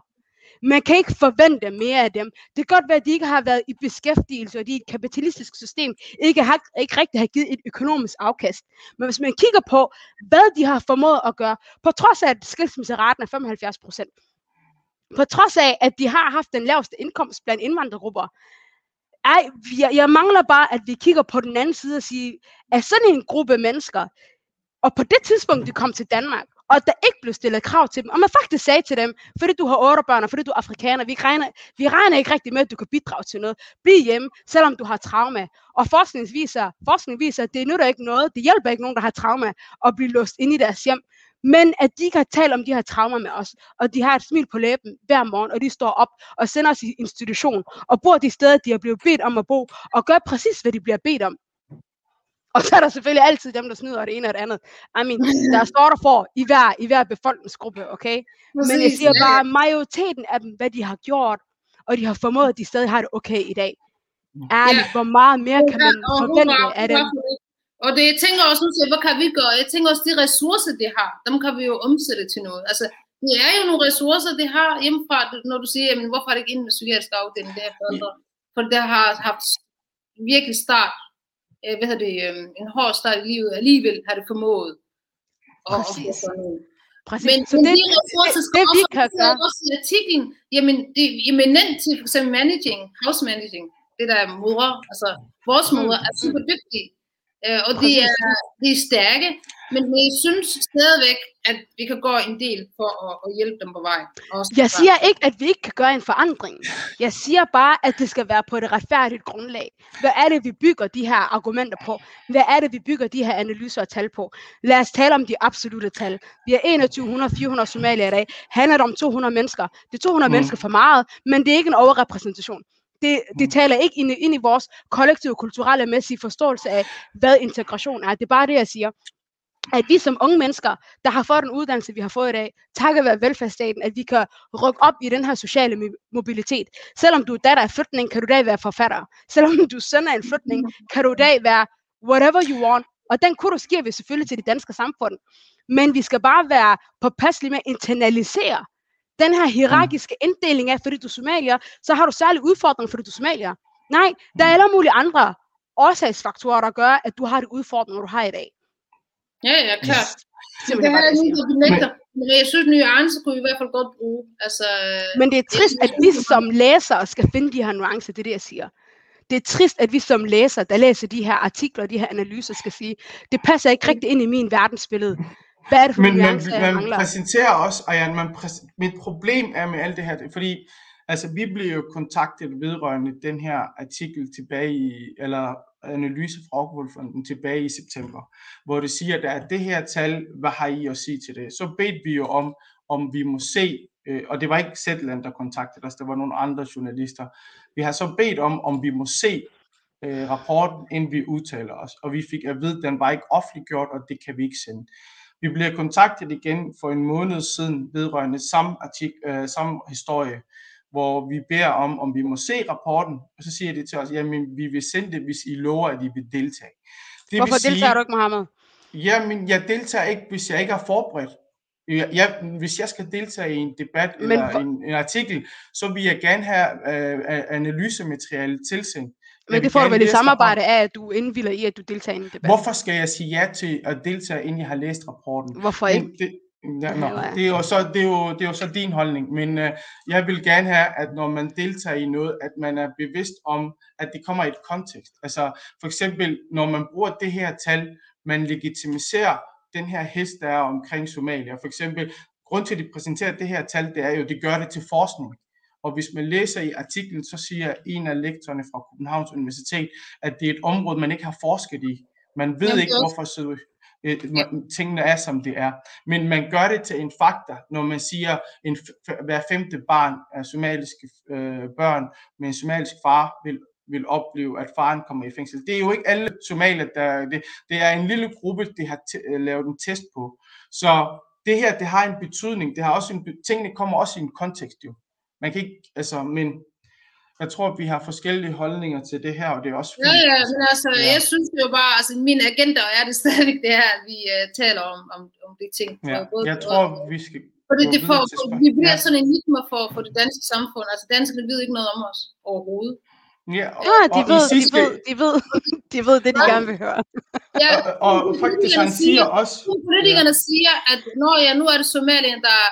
Jeg hører hver dag, og det er også det, jeg prøver at ændre, så mine børn kan være til en gang, at du kan være stolt over at være somalier. Det skal ikke gå rundt og skamme sig over at være somalier. Mm. Forskeren også i artiklen, han siger faktisk, uden han har dokumentation på det, han siger, at det er legitimt at have en arbejdshypotese om, at der kan også være kulturelle barriere, at Somalia er mindre villig til at arbejde. Hvordan, altså, sådan nogle ting, altså det er jo det, man begynder at pakke det ind i. Altså det her folk, grund til, at de ikke arbejder, og de er kriminelle, det har noget at gøre med deres kultur. Det er sådan nogle Det ting, har man ikke- pakker det ind. Det har ikke er nødvendigvis er noget med deres kultur at gøre. Men lad os være ærlige, Mohammed, som jeg også sagde tidligere, der er problemer. Vi ved alle siger, sammen ikke godt, er to problemer? sekunder. Se, Nej, ja, men du siger, at han pakker det ind. Han pakker det ikke ind. For mig at se, han siger det, som det er. Jeg Ja. ved vidderligt i hvert fald ud fra mine interviews, at der er nogle fædre, der har sagt til mig, at du får kontanthjælp, og du arbejder. Dit Mm. til rådighedsbeløb i sidste ende er det samme. Så hvorfor vil du stå op klokken 6 om morgenen og gå ud i sne og arbejde, når du kan være hjemme, passe Er, dit liv? er det et somalisk problem? Er det et somalisk problem? Jeg siger, at det men nødvendigvis er det et ikke har noget med kultur problem? at gøre. Er det ikke? Men nej, men, men måske mod, siger jeg mig selv lige nu, ikke? Men hvis du har 10 somaliske fædre, der, siger det samme, så er det måske ikke helt dumt, at man tænker, den fællesnævner, de 10 mennesker har, udover at være mænd, som måske kan være et mandeproblem, de, det det er- fællesnævner, de har, er, at det de har til fælles, det er, at de er muslimer, og de er somalier. Så vil man som en analytisk person sige, okay, hvad er det i kategorien muslim og somalier, der taler ind i den her holdning?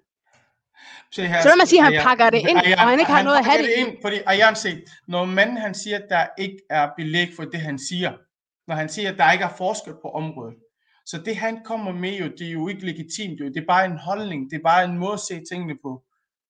Hvis man har forsket i området, og man har undersøgt tingene til bund, og man kommer til den konklusion, det havde været noget helt andet, end at bare sige, der kan være, fordi det har noget at gøre med deres kultur. Jamen, det var forlængelse af, så vidt jeg husker, så var det forlængelse af, at det er en gåde. Der er ikke så mange, der ved noget om det her. Altså, Ja.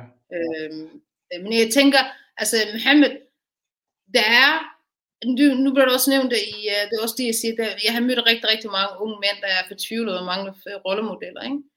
Det er, øh, det er et problem, vi har, at, at de, vores mænd, det er rejser lidt for meget rundt øh, i de forskellige øh, lande. Hvad, bygger du på? er. Erfaringer. Det er også, bygger det du er, det på? det er faktum. Faktum. For hvad Det er har du, har du talt med alle somaliske mænd i Danmark? hvad, det siger Sofie? kom og hjertet, helt ærligt, ikke også? Helt, det, det, det sker, det har jeg jo, prøv at høre, jeg har erfaring Selvfølgelig sker det. 15 år, det er igen og igen, og der kommer igen og igen og igen. Jeg ved godt, at yngre generation, faktisk din generation, går meget godt. Øh, øh, men, men mange fædre forsvinder simpelthen, og det, det er der bare ikke for, for deres sønner. Men Og det er altså- en del af problematikken. ja, som jeg men siger altså, jeg, Vi kan jo jer, der dig. kender, det skal ikke komme til, at I ikke kender nogen, der ikke har deres fædre boende. Altså, så vil det i hvert fald Selvfølgelig, ikke. selvfølgelig kender vi dem. Altså, Og vi er tre. Jeg kender men en du, kan, du kan ikke sige, at det er fakta, uden man har undersøgt ting. Det, du kan have en formodning. Det er Det kan sige. være noget af din erfaring, men det er ikke Rolle, en vi er ikke fakta. så mange i Danmark. Vi er få, vi er ikke så mange. Og så lige Men nu altså- ved jeg, jeg har en del kolleger også, som arbejder som tolk og oversætter for myndighederne og laver alle mulige andre opgaver også, altså som Mm. jurister og så videre. Det har virkelig, virkelig travlt. Det har virkelig travlt. Så vi har problemer. Vi har, det har vi virkelig. Selvfølgelig har vi det. Altså, okay, har du forventet, uh, Safir, at um, som en, en flytningsgruppe i Danmark, uh, der kommer til Danmark, at alt skulle gå godt, altså at vi skulle være i arbejde alle sammen og være i Nej, uddannelse? jeg synes faktisk, nej, selvfølgelig gør jeg ikke det. Og det er alle Ja. mulige, der spiller ind. Det nævner jeg. Du skal også tænke på, øh, jeg har gennemgået en form for renselse, hvor jeg sådan lidt, taget lidt mere afstand til os og kunne se os udefra. Ikke? Og så, så kan man så sige, når ja, den der forlader sin, for det mange somalier, vi tror jo, at når man egentlig går fra sin kultur en lille smule, så er det man forladt det, fordi man hader det. Nej, Mm. tværtimod, Mm. så er det først, først der, du kan se de smukke i din egen kultur. Og jeg holder fast, alt til holder jeg fast i de, der har formet mig. Tid og ofte, når jeg er ude og optræde og holder foredrag, så taler jeg meget om faktisk når medverden. Så kan sidde i Karen Bliksen Museet, og, og der sidder nogle litterater og forventer, at man lige skal citere øh, øh, alverdens øh, øh, hvad hedder det, forfatter i Danmark, øh, kendt forfatter. Øh, men men jeg, jeg tager altid også med det, der har formet mig. Fordi jeg er så stolt af det, og jeg er glad for det, og jeg har det med mig. Men jeg, og for at kunne vise den kærlighed, og kunne have den kærlighed, så bliver man også nødt til at se tingene, hvad skal man sige, øh, som det er. På afstand. Mm. På afstand hjælper det, at man så tingene, ser tingene på afstand. Men det var sådan, at øh, for os er det enten hader du det, hvis du går med kramar, øh, hvis du er, har tørklæde på, så elsker du. Hvis du ikke har tørklæde på og siger, øh, jeg er gift med en anden øh, en Echenibi, så har du gået fra det folk til Ja, tværtimod. men det har ikke noget, jeg, jeg tror ikke, det har noget at gøre med det, uh, Safir. Det Det er i hvert fald bare, de, de hets, jeg oplever, det er jo sådan, åh ja,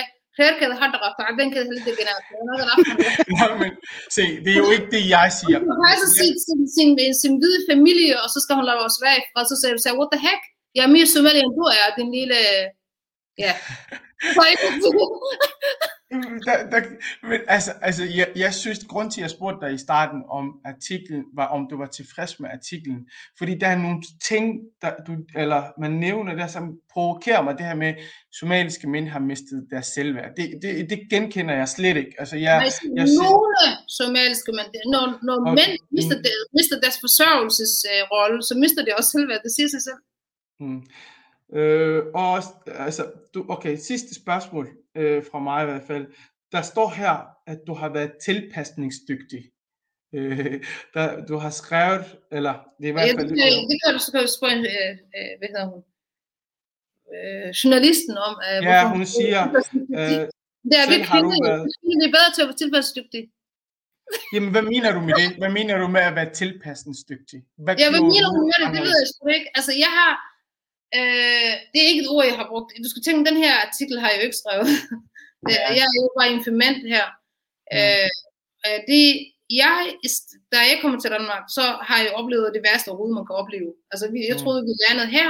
Vi kommer til et land, som har givet sig asyl, og øh, som øh, går, går op i menneskerettigheder, og jeg var meget taknemmelig for at, at, at Mm. komme væk fra, fra krigens brug. Og så det vi oplevede, det var så noget nyt, det hed, noget der hed racisme, at man Mm. ikke kunne lide os, fordi vi havde en anden hudfarve, vi havde en anden religion, vi skille os ud, vi var mærkelige. Øh, og, og, og jeg kunne godt to ting. Øh, jeg kunne øh, gemme mig væk sammen med alt mit, øh, mit folk, det ville også måske være mest nærliggende. Men jeg gjorde noget andet. Øh, jeg rejste øh, blandt, øh, ja, jeg rejste til en landsby, Megalaya, Tulaya, han kunne godt Mm. ayaan Ja. waxay dadka baro waxay Mm. ma waraabay haystaan ma bay haystaan ma loo bay haystaan ma doofaar bay iyo horta maxay yihiin Mm. okay for jeg kan gøre noget for mit folk så er jeg nødt til at bygge mig selv og jeg er nødt til at gøre noget fordi igen det sagde jeg også i starten det er noget jeg har lavet i krigen man skal blive nødt til at gøre noget man er nødt til at øh, øh, øh, hvad hedder det, blive til noget for at kunne gøre noget for mig og mit folk og for mig selv hvis jeg skal blive her resten af mine dage Mm. for det var jo fuldkommen, jeg tror ikke, jeg kan beskrive, jeg har forsøgt at beskrive det i min bog, øh, selvom det ikke er, det er jo fiktion, men alligevel er det nogle selvbiografiske elementer. Øh, og for at forstå egentlig det, der er egentlig foregået. Altså den her, nu snakker du Jan, om den her internalisering, man internaliserer det her selvhed eller selvforagt. Det var det, jeg fornemmede, og det ville jeg simpelthen ikke have. Så jeg har ligesom gjort noget andet, der hedder, jeg vil gerne finde ud af, jeg vil gerne lære det her folk at kende. Og hvordan gør man det? Ved at være nysgerrig, ved at besøge dem, ved at gå, jeg startede med at skole mig, og gå, gå på efterskole som en eneste sort. Jeg tror du, det har været nemt at være sort i den efterskole? Du aner ikke, hvad jeg blev kaldt for, men jeg havde en mission. Jeg skulle hjemme til at Har gøre det haft en påvirkning på dig, så, at du blev kaldt alle det her ting?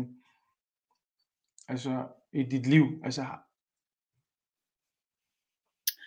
Øh, ja, man kan sige, at jeg voksede op i en krig og skulle klare mig selv, har ligesom gjort mig modstandsdygtig. Nu siger hun tilpasningsdygtig. Jeg var modstandsdygtig. Jeg, jeg, Mm. I, didn't, I didn't care. mm. Jeg havde mit fornuft, ressourcer, havde jeg alt det andet. Men jeg ikke mod at hårdt. Så sådan Mm. med dig. Det er noget til at bruge min hjerne. Mm. det jeg havde til ressourcer, det er det, jeg har brugt. Det har ikke, det har, selvfølgelig bliver man jo ramt og såret, men jeg havde jo større mission. Jeg ser min, altså det ser jeg også i den her artikel.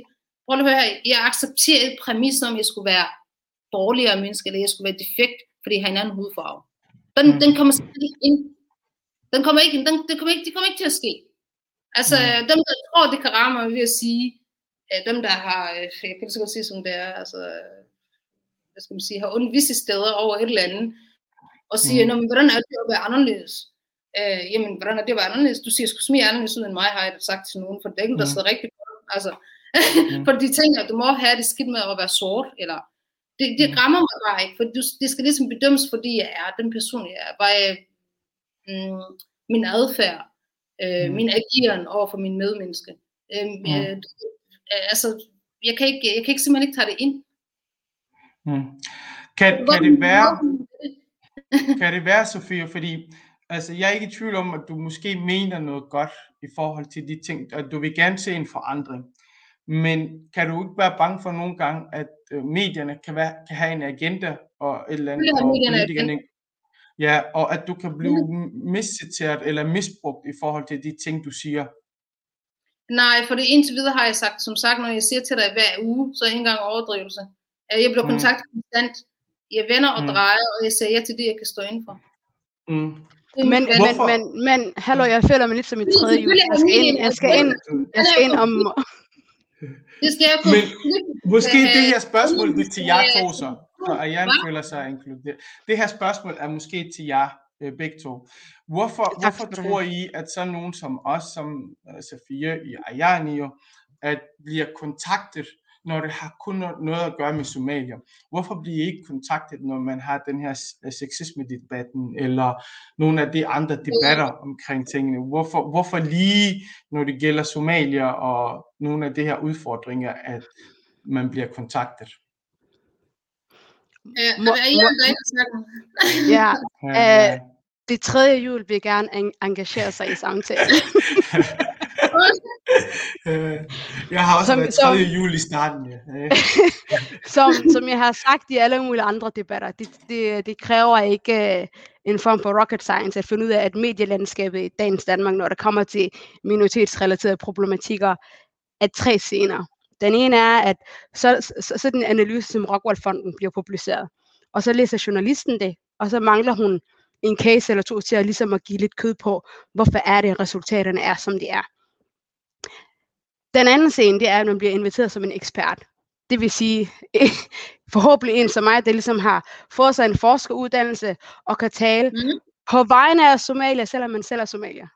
Men du får lige en lidt højere status, fordi du, kan- du kan abstrahere dig fra problematikkerne. Men du er brun, og du skal stadig tale om brune problemer.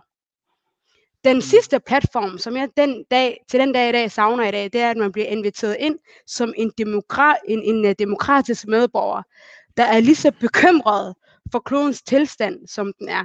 Som ikke handler om din etnicitet, som ikke handler om kultur, som ikke handler om religion, men du er til som et menneske, som en del af det her samfund. Mm. At EU har lavet et budget de næste syv år, hvad er din holdning til det? Hvad synes du om Brexit? øhm, alle mulige andre ting, der ligesom eksisterer i den samfundsdebat. Ikke? Men den platform har vi ikke fået endnu.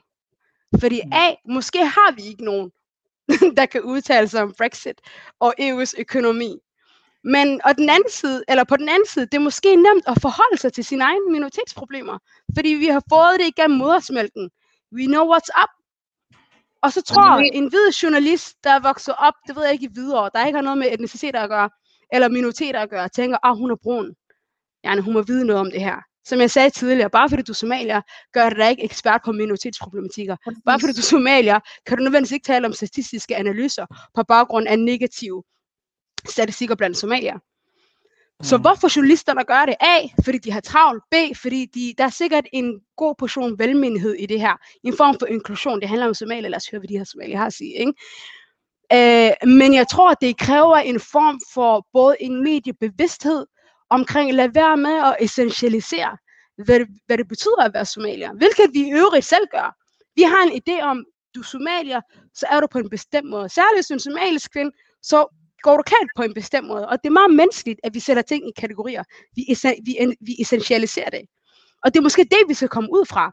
Og vi skal være meget dygtige til at acceptere, at så gør en somalier bliver portrætteret som en case. Særligt en case, at han eller hun siger noget, der er meget, som passer meget fint i hende og hans hverdag og livserfaringer. Så skal vi ikke tage det til os. På, ma- på samme måde som øh, en hvid mand fra Hvidovre, det, nu, nu, nu, nu- postulerer jeg bare, jeg ikke citere mig her, der, er- der har, det ved jeg ikke, dræbt sin kone og børn, okay? Hvorfor er Fordi det han har altid mænd, der skal PTSD? dræbe konen? Du, Jeg hvorfor ved det ikke omvendt? Det, det er det, det kommer bare meget automatisk, at det er altid manden, der er Øh, issue. ja, ja, Men hver gang der er sket noget ham, der, at, han, at han har lavet noget, så tror jeg ikke, at resten af den danske mandlige befolkning fø- føler sig klandret. Men det gør vi, som minoriteter. Hver gang der er en minoritet, i hvert fald en somalier, der har sagt noget, og vi ikke rigtig føler, at det er rigtigt, så føler vi os klandret, og vi tænker, hvem fanden tror hun, hun er? Ikke? Er hun formand for en forening? At vi skal være gode til at skrive os fri fra den her jeg ved ikke, hvordan, altså vi, vi kollektiv bevidsthed, fordi Mohammed, din livserfaring er ikke ligesom min, og min livserfaring er ikke ligesom, er ikke ligesom Sofias. Meget handler også om den alder, man har, når man kommer til Danmark, som Sofia og jeg også har snakket om mange gange, at hun var 13, og jeg var 2. Så den måde, at jeg skulle bare hvordan kan jeg imani, hvordan kan jeg chokna, er ikke, på- er- kan jeg ikke gøre. Waxba barbardhigi- barbardhigi karo. Jeg har ikke oplevet noget. Jeg kan ikke sige, jamen det her, det har været et problem, og så kommer jeg herhen, og det her det problem findes ikke. Jeg kan kun forholde mig til det danske samfund, fordi det er det, jeg kender, og det er det sprog, jeg kan bedst forholde mig til. Men som jeg starter ud med at sige i debatten, det er, at man føler sig så træt, Ja. hver gang sådan nogle analyser kommer ud.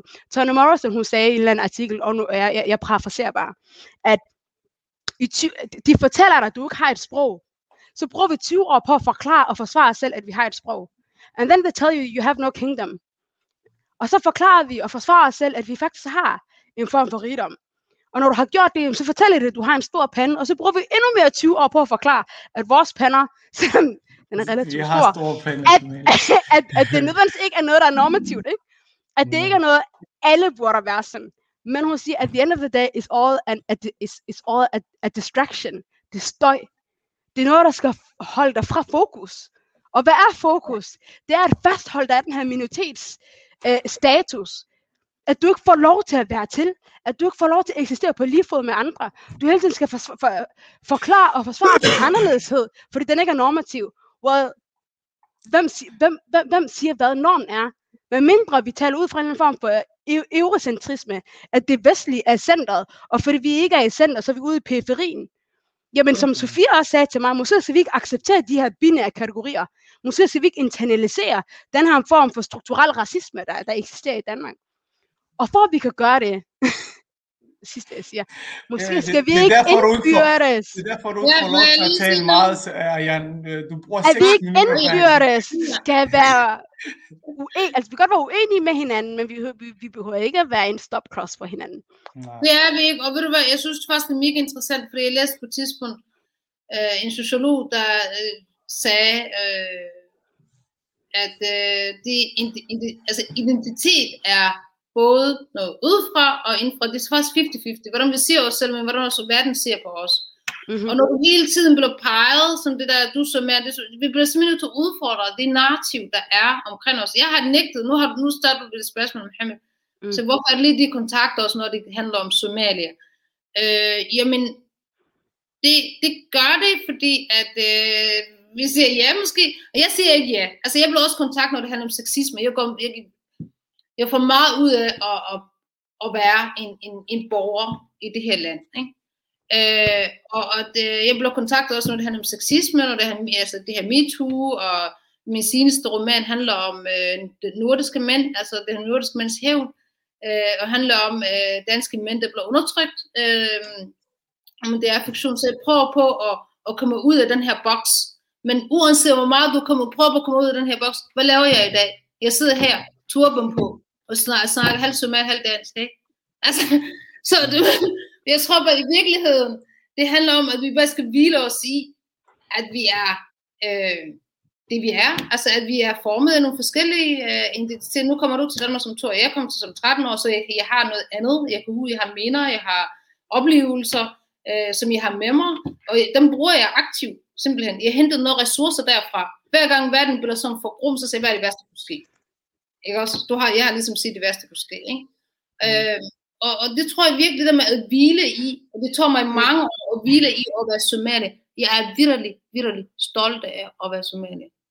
Det er mit, Men bange, tror- mit hjerte er bange for at være, hva? For mit folk, det er mit hjerteblod. Ja. Men, men jeg er også tror så glad for at være fra Jylland mm, og være dansker, for jeg er også Mm. dansker. ja. Og de følelser, der er der, det er ikke noget, man bare sådan kan tage på, som man har lyst. Det er der, og man er nødt til at bare acceptere det og, og, og slutte fred med det. Ja. Øh, men altså fordi, når man går ind og kigger på de, øh, altså hvor mange somalier der er i Danmark, ikke? Og, og hvor mange procent af dem er under 30. Altså og over to tredjedel af somalierne i Danmark er under 30 år. Det vil sige, det er nogen, der er på vej frem, nogen, der har været igennem uddannelse og alle det her ting. Og så har vi altid fokus på det første generation, der er kommet her, og deres udfordringer. Og det kan jo irritere egentlig som mig, og dem jeg kender.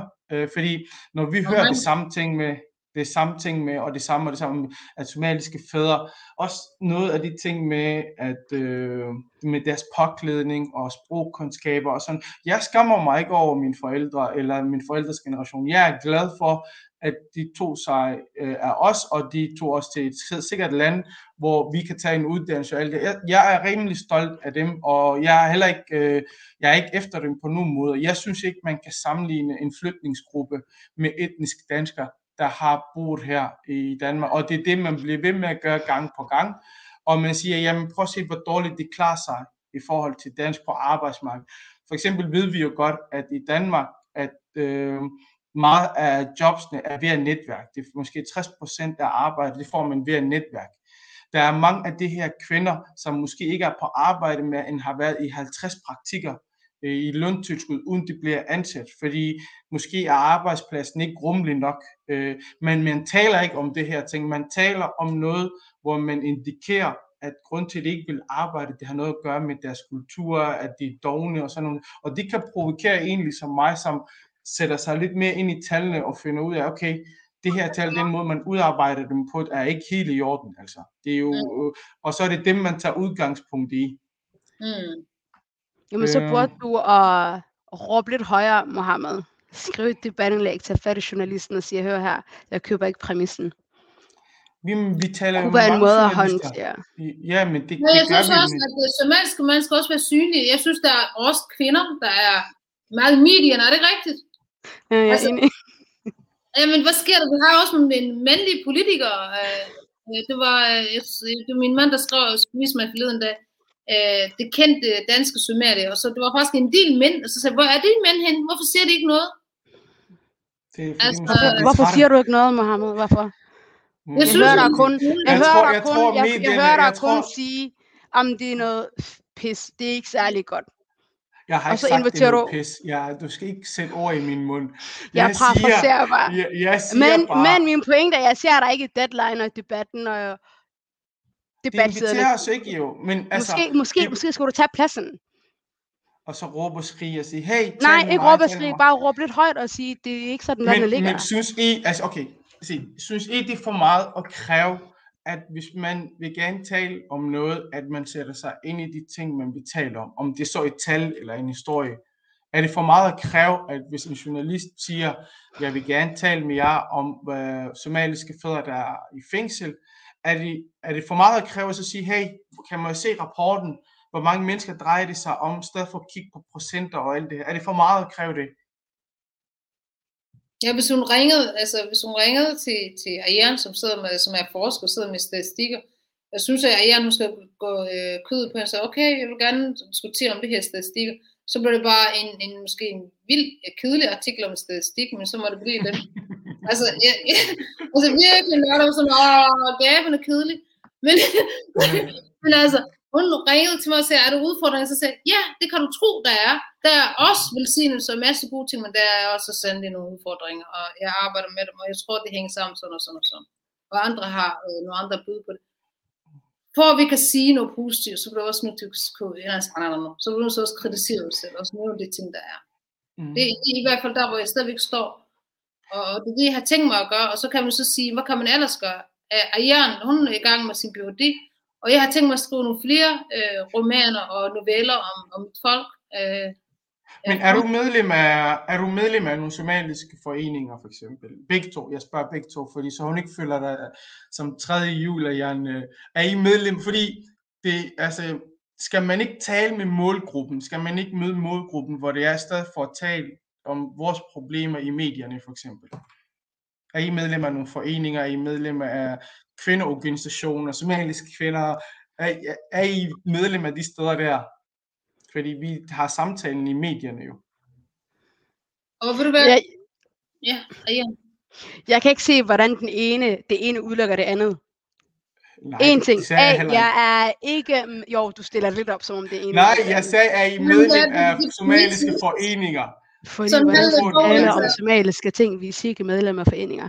Okay, Nej, det joke sagde jeg ikke. Du skal ikke konkludere, hvad jeg siger. Jeg, jeg, jeg, ikke sætte Okay, min pointe er, jeg er ikke medlem af nogen somaliske foreninger. Betyder det så, at jeg som en Ph.D.-studerende ikke kan gøre mit arbejde, fordi jeg ikke er medlem af forening?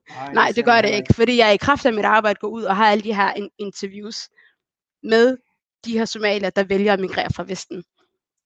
Så nej, jeg er ikke medlem af nogen somalisk forening, men jeg synes stadig, hvis du spørger mig, at jeg har nogle, øh, nogle ret solide argumenter, når det kommer til det ene og det andet, som vedrører somalier. Men det kan også være, at fordi jeg ikke er en del af særligt sådan somaliske mænd og deres miljø, at jeg ikke kan gøre mig klog på somaliske mænds udfordringer. Og jeg tror heller aldrig nogensinde, jeg vil sige, jeg taler på vegne af somaliske mænd, de har de her udfordringer, der er X, Y og Z. Fordi det kan jeg ikke. Det eneste, jeg vil sige, jeg har nogle postulater og nogle spekulationer. Men igen, det er kun postulater og spekulationer. Og i stedet for, at vi får de her spørgsmål, så kommer vi lidt tilbage til dig, Mohammed, og dine lige, lige, Okay, lad os lige mennesker. for Safia spar først. Safia, er du medlem af nogle okay, somaliske organisationer? Ariane må jeg stille dig spørgsmål. Tak skal du have, Sofia. Så kommer vi lidt tilbage til det, vi startede med. At når det handler om debatten, så får du givet en plads. Med mindre du allerede har gjort dig lidt klog på et område. Du har Mm. skrevet en bog eller en kolumne, eller du har markeret dig lidt i en offentlig debat. Hvis du Mm. ikke har gjort det, så skal du ikke tro, at bare fordi du har nogle erfaringer, at alle vil høre dem. Så skal du gå hen og simpelthen tage pladsen og sige, og måske råbe lidt højt og sige, jeg er fuldstændig uenig, og det jeg bygger det på, det er X, Y og Z. Ikke? Mm.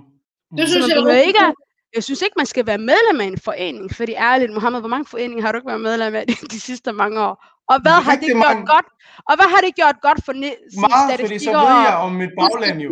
Jeg ved, jeg kender Men vi taler lidt ind i en, i en eller anden boble. Altså, du har alle de holdninger, og du taler lidt om tal og det ene og det andet. Ja, Men, det, men, men, men, men, men så del det med den offentlige, øh, eller den resterende offentlighed, som har, har måske nogle andre holdninger at sige, det der, det bygger jeg ikke.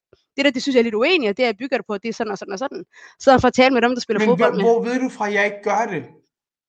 Har du Jeg været har med i ikke set deadline? noget tidligere. Jeg har Hvad? syntes på det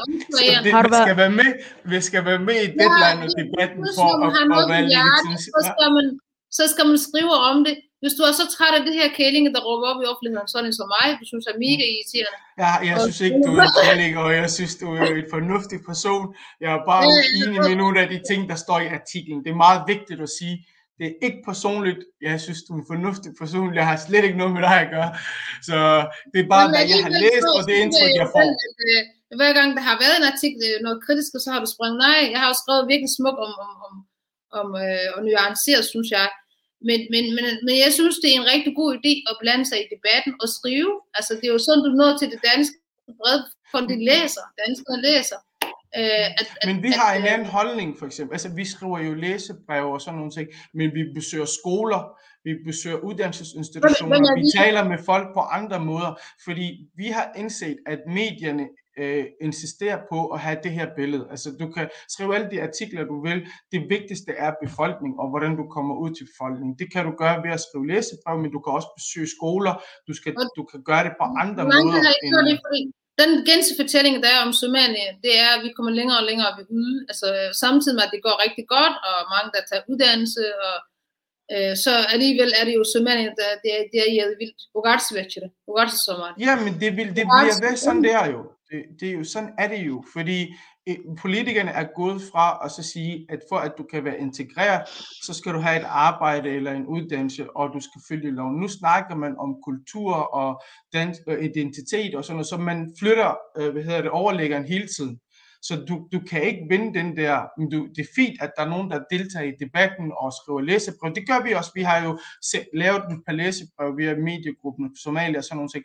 Men vi kan se, at der er en vis alliance mellem visse journalister og politikere, som over en bred kamp laver sådan nogle mærkelige analyser. Fordi hende, der er fra Zetland, hun er jo en fornuftig journalist. Hun kan jo godt gå ind og kigge på andre parametre, andre ting. For eksempel, hvis man snakker om arbejdsmarkedet og sådan noget.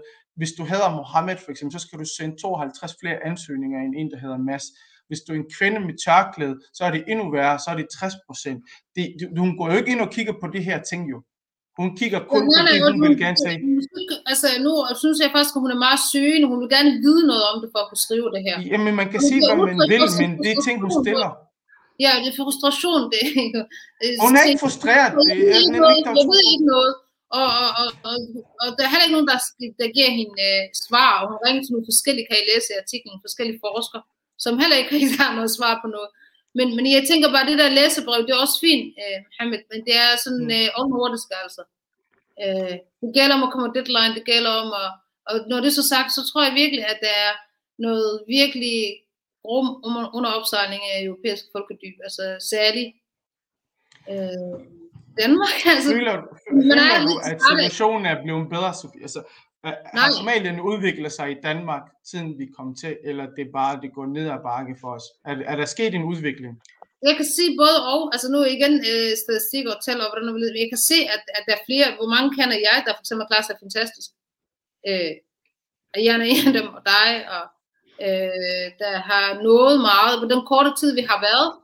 Øh, vi har været siden 90'erne. Ikke? Hmm. Hvis vi nu kommer i de sidste 60'erne, så mange som tyrker og pakistaner og, og, og ja, øh, jeg ved ikke ellers, hvem der er kommet der i 70'erne som gæstearbejder. Altså hvis vi kommer der, hvor langt vi så noget i dag, så vil vi nå så har vi nået langt jo. Så har vi, vi nået vi, rigtig langt. Men der er stadig udfordringer. Selvfølgelig vil der altid være. Det vil der altid være, Sofia jo. Og vi vil aldrig være 100% gode nok. Hvis jeg må Ja. nævne det, så, altså et par år siden, så har der været øh, nærmest undtagelsestilstand på, på Nørrebro, ikke? Kan du huske det? Mm. Hvor Ja. der er ingen unge, man ikke må gå ud efter klokken 7. Mm. Øh, og mange af dem, der blev dræbt, det var somalier. Altså, det var somaliske mødre, der faktisk øh, demonstrerede, øh, lavede de- demonstrationer. Og, øh, og jeg synes bare, det er trist, når vi tager det der, indtager det der statistik. Jeg synes virkelig, det er trist. Mm. Og det er ikke nok om det, at vi siger, okay, det er det, det omgivende samfund, at der, er, øh, hvor der er diskrimination. Det er også inden for det indvandrermiljø. Altså, øh, øh, araberne, tyrkerne osv. diskriminerer også somalier, ikke? Mm. Øh, så, så jeg, jeg kan se i hvert fald, der er nogle unge mænd, der forsvinder ind i håbløsheden. Og, Det kan godt være, men, men, men det er ikke det billede, jeg ser, hvis jeg skal være 100% ærlig med dig. Og jeg omgås i det somaliske miljø, ligesom Ayan var inde på. så du kan er en ingen, del af... Hvad? Du kan ingen, der sidder i fængsel, er dømt, eller udvist, eller nul. Jeg, Ja, jeg kender to, der har siddet i fængsel.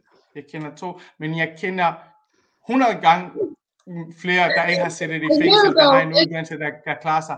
Ja, det Men- gør jeg men du også. sagde- Men det er to for meget. Hende, der er forstemt statistikken, hvad siger hun? Hvis jeg kender to, og han kender to, og du kender to. Men, men, men, men, vi- men, men Sofia, se, du kan gå selv ind i statistikbanken, og så undersøge, hvor mange somalier, der er dømt efter straffeloven og særloven og færdselsloven. der fører vi altså. Jeg er ked af at sige Hvad? det. Vi fører ikke, vi fører ikke. Ja, men Sofia, se, igen, som jeg sagde til dig i starten, jeg sagde Ja. til dig, se, jeg, jeg indrømmer gerne, vi har nogle udfordringer. Det har alle samfund, i, samfundsgrupper. Både danskere, somalier, alle har. Vores udfordringer er ikke værre end andres. Det, det, det, det, det nægter jeg at tro på, og det har jeg også talt Statistisk set er det jo. Så, Jo, det er det. ja, hvis du regner det ud i procenter, Ayan, hvis du regner det ud i procenter, og hvad har vi snakket om det med procenter? Ja. Jo Jo mindre lavere tal, tal, jo, jo, Ja. jo lavere tal, jo lavere tal. Ja. desto større afvigelser. ergo- Præcis. vi Det vil sige, at du kan ikke bruge procent til noget. Du skal kigge på, hvor mange mennesker drejer det sig om her. Og, Men det er jo ikke så- mange, sweetie. Oh my god. Jeg, jeg synes, vi, men, jeg men synes hendes, virkelig, man kan gøre noget. Altså, øh, hvis vi ikke gør noget, så er vi, altså... men vi gør jo noget i forvejen jo. Altså, men hende journalisten, Han, du snakkede han, om, lad os konkludere det. Der er gået ja, en halv time over tid. Hele journalisten, du snakker om, hun var frustreret og alle det her ting, ikke? For to år siden, hendes Zetland lavede en artikel om, hvor godt Somalia klarer sig i Danmark i forhold til dem, der modtager, som lønmodtager på højst niveau. Det var stiget med 44 procent. Hvis hun vil gerne, hvis hun er virkelig oprigtig og vil gerne undersøge nogle ting, så har hun selv kigget på nogle af de artikler, som Zetland selv har udarbejdet. Men altså, det er fint, at vi er uenige, og det skal der være plads til. Lige, jeg finder lige et par spørgsmål her hurtigt. Øh, Jeg kan se, der Hvor er det, nogen, vi der afslutter det her? Jeg har jo sin... Øh, nu, to minutter, så er vi færdige. Øhm, øhm, der er nogen, der er lidt efter mig her, kan jeg se. det var svin. Det var Kumarga Øh. Hvad? Det var Kumarga Emir. Ja, ja, det er efter mig. Jeg synes, jeg synes, jeg er hård, og jeg angriber og sådan noget. Men ja, det føler jeg ikke, og det håber jeg ikke, du føler, at jeg har angrebet dig. Men der er nogen, der spørger, der er en, der spørger, hvor får du din inspiration? Hvor, hvor får du dine inspirationer fra at lave de artikler, du laver? Det var til mig. Ja, Jamen, det gør jeg særdeles øh, i mit eget indre dybde. Øh, det gør jeg fra mit arbejde, og øh, min, det kan man være for nogle artikler. Min mest er det jo altid sådan nogle hverdagsoplevelser, jeg skriver om. Øhm, ja. det, men jeg ved ikke, hvorfor jeg snakker om generelt. Øh, Hvis det er generelt, så, øh, for eksempel, så har jeg lige skrevet en artikel om min vandretur på, øh, på Amager, som minder mig om sletterne. Så det er Mhm. hele tiden den der med at finde genkendelse, ikke? Ej, hvorfor minder du mig slemt, det der vidder, der er åbent og kørende. Og, ved, altså, så jeg, jeg finder altid noget, jeg er kendt, og kobler det med noget, der er her nu. For at det heler mig, og det, det handler jo Mhm. om at det selv med, ikke? Øh, jeg er også blevet inspireret af de mennesker, jeg taler med i min hverdag. Øh, mit arbejde som oversætter, men også øh, en, en rigtig god, øh, eller man kan sige, rigtig god fantasi, ja. i hvert fald til min, min værke. Øh, og det er sådan, man fortæller historier. Det er det. Godt. Hvornår, der er en, der spørger, hvornår er vi gode nok? Hvad? Hvorn- Hvornår er vi gode nok? Der er en, der spørger. Hvem er vi, og hvad betyder god nok? Somalier, tror jeg. Hvornår er vi somalier gode nok i Danmark? Det er det, han mener, tror jeg. Igen, det spørgsmål er meget god til at essentialisere, hvad Somali er, som om vi alle sammen er Nej, de samme det skal vi ikke. Hvis vi er gode nok, når vi synes. Vi er gode nok, som er jo selv, som vi er til. Man skal gå det, man kan ikke gå mere end det, man har, men man kan. Men man er at gøre noget. Hvis du har gjort det bedst, så kan du ikke gå mere. Så skal du bare være til din til herren, han tager dig hjem. Allah, han tager dig hjem. Man Super. skal være til, det er det er sådan, jeg har det lidt. Hallo, jeg ved ikke, hvornår jeg går fra. Jeg går med bedst. Så går det, som jeg kan, med lille hjørne, og så må man bare, altså, jeg, jeg, jeg, jeg, jeg vil ikke lade mig påvirke af det der. Jeg tror, det er ved at blive lidt sent, og vi bliver nødt til at afslutte her. Tak fordi I valgte at sige ja til at deltage i dag. Det var fandme spændende. Jeg håber ikke, der er nogen, der bliver sur. Åh oh, ja, jeg må ikke bande jo. Nej, undskyld. Det var, det var spændende. Det, var, det er altid en god idé at tage. Ja, det er en god idé at sidde over for hinanden og tale sammen om de ting, man er uenig med. Og det har vi sandelig gjort i dag. Øh, Det var fantastisk, og det er rigtig fedt Ja. initiativ, og jeg synes, der skal være flere af den slags, så, så, så at Ja. vi kan mødes og snakke sammen. Vi tager og vi er rigtig, og vi er rigtig glade for, at du har sagt ja til at deltage, Sofie, i stedet for at vi taler om dig i Facebooks opslag og alt muligt, så kan vi tale med dig direkte her, og det var meget mere spændende. Og så siger Vi tak til til rådighed i hvert fald, så det kan bare ja, ja, spørgsmål. og forsker, eller professoren ovenpå, Ayan Yassin. Øh, tak for, du har også sagt ja til at deltage. Det var dejligt at se dig, Jan. og Mohammed, det var også dejligt at se dig i virkeligheden. Eller i hvert Tak for fald. i lige måde. Ja, I lige måde. I må have det godt, Fie. Hej. Ja, alaikum. og tak fordi dem, der så med hej. maxay tugaydeedu yeedhay maxay tugaydeedu yeedhay dalkayga maxaa u diiday? Maxaan dawadiisa raadshay? Dadkayga maxaa u diiday? Maxay